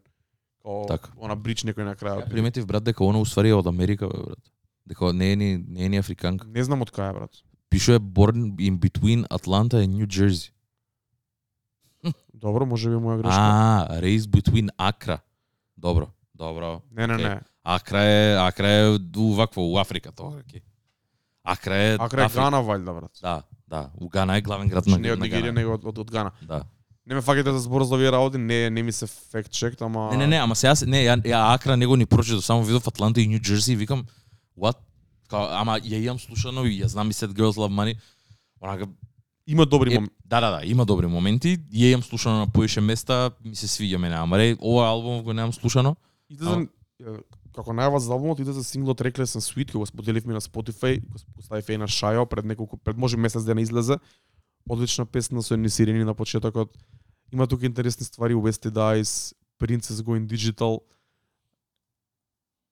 Water from Wine, исто така, значи има од се по нешто. Има една песна Co-Star која а, мене ми е малце кринж бидејќи збори нешто пак за а, хороскопски знаци Добро. измешани чувства имам за такви ствари, али Што Општо- тебе Меркурот не ти у ретроградна, брат? се надам дека нема да ми биде, брат. Уште многу долго. Што знае да биде. Али го има оној брат, го има оној female power момент, го има оној женски момент, го има оној женствен момент, го има оној као баш ја Да, репрезентираат девојките, младите девојки кои се сеќаат кон неа. ми се, ми се свиѓа тоа. Има алтез а, има многу интересен алте момент, што значи тоа. Има интересни ствари, као има некои ап темпо битови кои се не, нестандардни за Така. оваа музика као може да се каже дека за разлика на пример од некои проекти ко ко на Брна Бой или ко Whisky што онака можеш да кажеш е ова е афро звукот денеска Мгм. или ко проектот на uh, Адекуле Голд кој чекам да излезе кој мислам дека ќе биде такво нешто као е Така. ова е саундот ова е се освен тоа Така. Ова е имаш- everything in between. да као онака се има шарено од, од лево од десно ап темпо брзо споро бенгери ал, uh, албум кац Така. од се по нешто го немам преслушано добро види, ама И Преди да- 14 траки е да се сосема сосема солидна бројка за да имаш доволно од се по нешто. Као на пример тоа тоа го име зборано, така два три синглови, а, две фичерс, три албум кац, интро, аутро. Тамане, то, то тука доаѓа да бројката биде, на да. 13-14 траки онака за да имаш солиден проект за да можеш да го наречеш комплетен албум, за да ги имаш сите тие точки чекнато као дека на албум, ме разбираш? И тоа е добро. Да. Ако ви звучиш интересно, преслушајте го, ќе го постираме, не знам дали ја постирам на Дискорд, али вреди да се чуе. Мислам дека ова, ова не пројде, пошто мислам дека мислам дека ти си ти ти, ти уште неколку два тројца онака што ги знам у Дискордот онака е, се поише кон афро музиката и поредко поред, поредко влагаат а, афро стварите се споделуваат кон Ептен се ако не е брна бој ме разбираш. Мислам дека како? Афродита го сподели Ашаке, го видов. Да. Шаро до неа, а други немам појма, немам проверено дали некој ги спорил, бидејќи се немам пуштено на Дискорд искрено. Еј, Последнија две недели, брат. реално лето е не, не, не зијам за зло за на, за такви ствари као нормално е луѓе сакаат да се надвор, сакаат да шетаат и не ни можам да очекувам да бидат дома и да ама нормално има моменти кога има поише која е активно, моменти кога не е активно и тоа е сосема разбирливо као ќе дојде ќе ќе се стемни, ќе почне денот да да зајдое сонцето у у 6 поручек, ме разбираш и после пак ќе дремеме на Дискорд, ама се надевам и не сакам Дискордот да е активен преку лето. Тоа го, сак- го сакам тоа за мене, го сакам тоа за тебе, ама го сакам и за луѓето кои што не слушаат онака. Ја, точ, точно сме на два сата или морам на кратко да спомнам уште еден проект. Дефинитивно. Nefy Smalls, High Profile, неговиот нов албум. Знаете дека сум голем фан на Nefy Smalls. Еден трапиш артист од Британија, вајби трап, он неговиот звук и може би и во глава ми го изгради тој вајби термин како како она како правец. Нефи Смолс, М Hunch од едната страна од Британија или може би Гана и некои и некои такви такви артисти од американската страна кои еднакво имаат најчесто користат спори спори мелодични трап битови, користат многу аутотюн, многу мелодично пеење. Текстовите мање више се повторуваат, тука се пари, коли, флекс. The usual the, the usual разбира. suspect, И да. на неколку, неколку епизоди претходно спомнав дека малце го сеќам Нефи Смолс дека е закопан и заглавен во едната иста, едната иста Така. ствар. И можам да кажам дека албумов ни дава more of the same пак. Со тоа што не можам да хейтам, има 17 песни, 54 минути. Пола и повеќе од пола е за фрлање за уканта одма. И ако го го преслушав Тоа што не тоа што не, ми се свига Нефи Смолс е тоа што не ми смета за слушање, 3-4 пати поред го преслушав. Онака во позадина цел ден ми, ми, ми вртеше еден ден. Да мислам дека беше у саботата. Не ми сметаше, али кога се навратив, кога се навратив на него утре дента, сватив во кои песни ме скокнуваат. И тие Нормално. реално како што гледам сега пуштен од компјутер, ги гледам плейс бидејќи на телефон не ми ги покажува. Тие се мање више песните што имаат најмногу плейс на Spotify. стримови, да. Дел од нив беа најавени како синглови беа извадени порано, а дел од нив и се најверојатно подобрите. А, 17 песни, 54 минути, има интересни фичерс кои ми го привлекува вниманието уште кога ја видов трак листата, иако неколку песни беа извадени како синглови. Сингловите Nostalgic, Sex on the Moon, ги слушав и пред, и пред излезе албумот и ми беа многу добри. Исто така песната Групи со Крептен Конан. Одлични ствари, топ беа као најава за албумот као синглови и мислам дека има супер ефект за најава на самиот албум. Покрај Крептен Конан, тука се наоѓа М Ханшо на два пати. We Want Raids, Potter Paper е тука, го зборевме. Јап. Чип од британската сцена исто така Легенда. и Римзи од британската сцена исто така и тука се наоѓа Бој Бој кој е еден од најдобрите и најсвежите артисти од Карибите во моментов. Го зборевме него некоја претходна епизода, мислам имаше еден албум. Не? Не има сега нов сингл кој се вика Буфу, кој згази, гледам дека има и на јас многу, fuck you. и на многу плейлисти. Мислам дека не е од Јамајка, ама мислам дека е така нешто од Карибите, не сум не сум сигурен точно од каде. Да не излажам пак.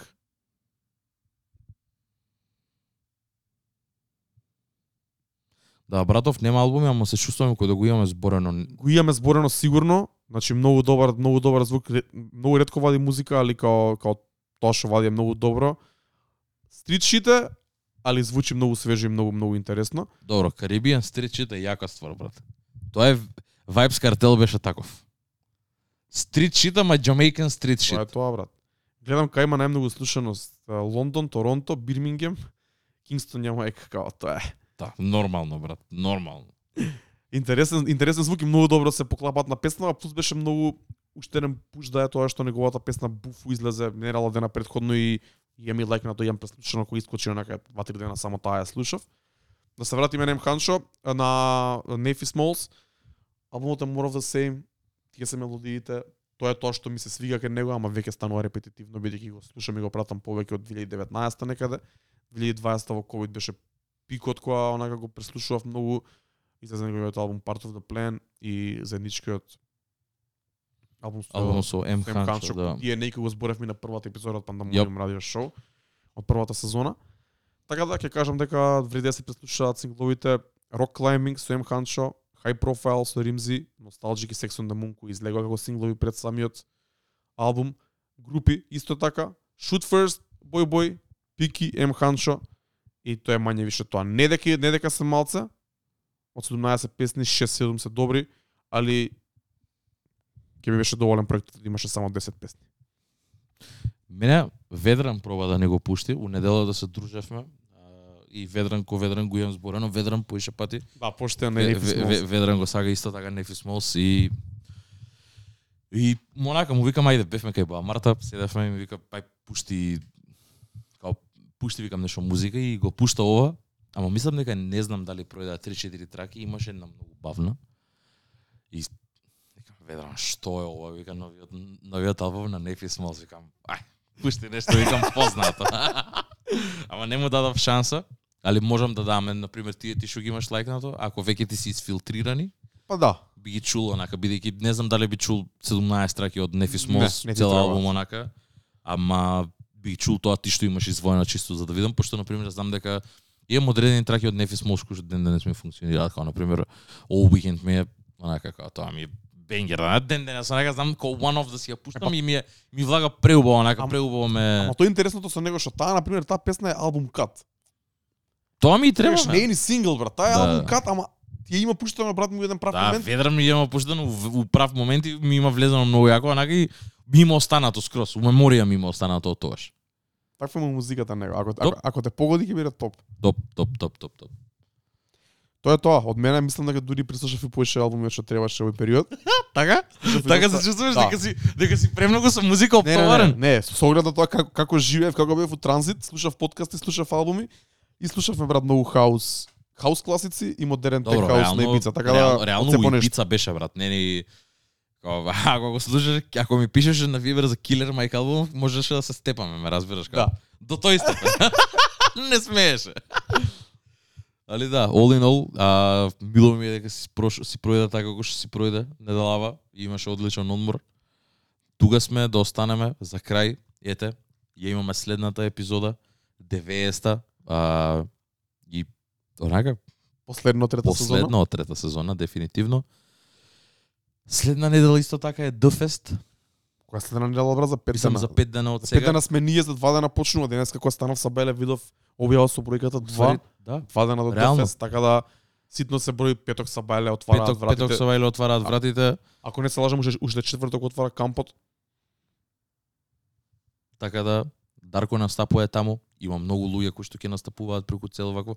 Проверете ја цела програма сега да не ги набројувам, има премногу луѓе кои што се блиски со нас и околу нас. Мислам дека може да наброиме нешто што ни е интересно што и што ќе идеме да гледаме, така? Може, дефинитивно. А јас морам да споменам, Дарко не знам, мислам дека и он ќе он ќе е така, ама јас само ќе бидам присутен неделата. Така да ако сте таму, ако сте во Дојран, хира се ако не видите некаде на плажата, say what's up. Ќе удриме некоја пивце, ќе удриме некоја пијачка.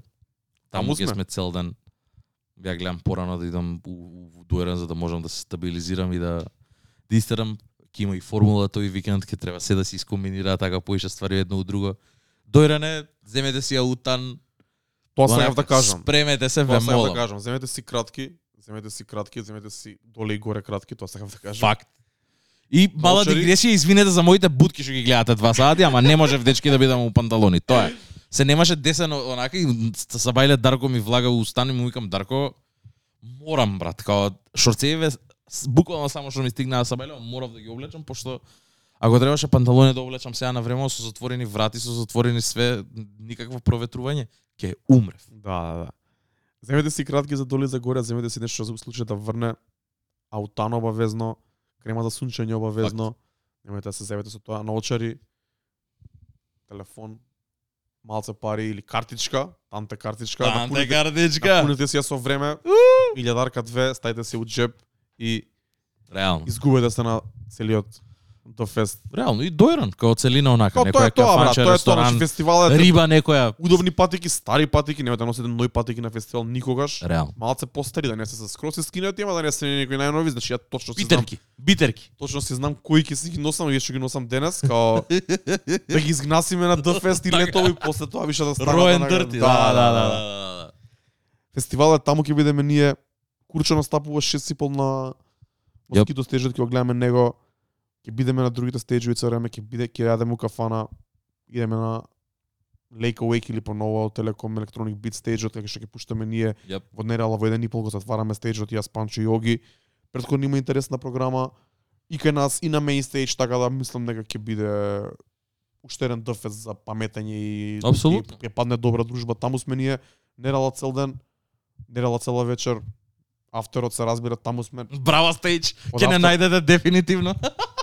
За автор не викаме не, посебно не, од фестивал. Не, не викаме на фестивал, кој дое дое фрскам фрсрф е тоа. Така да се гледаме, се гледаме од Дојран викендов и се гледаме следен вторник тука да збориме за Дфест и да збориме за целата трета сезона и нашите импресии од истата и можеби ако исклучи некој албум у петок да го ставиме плюс у, програмата, да може да исклучи нешто интересно. Апсолутно. Ќе видиме како ќе бидат работите, ама сега за сега е тоа.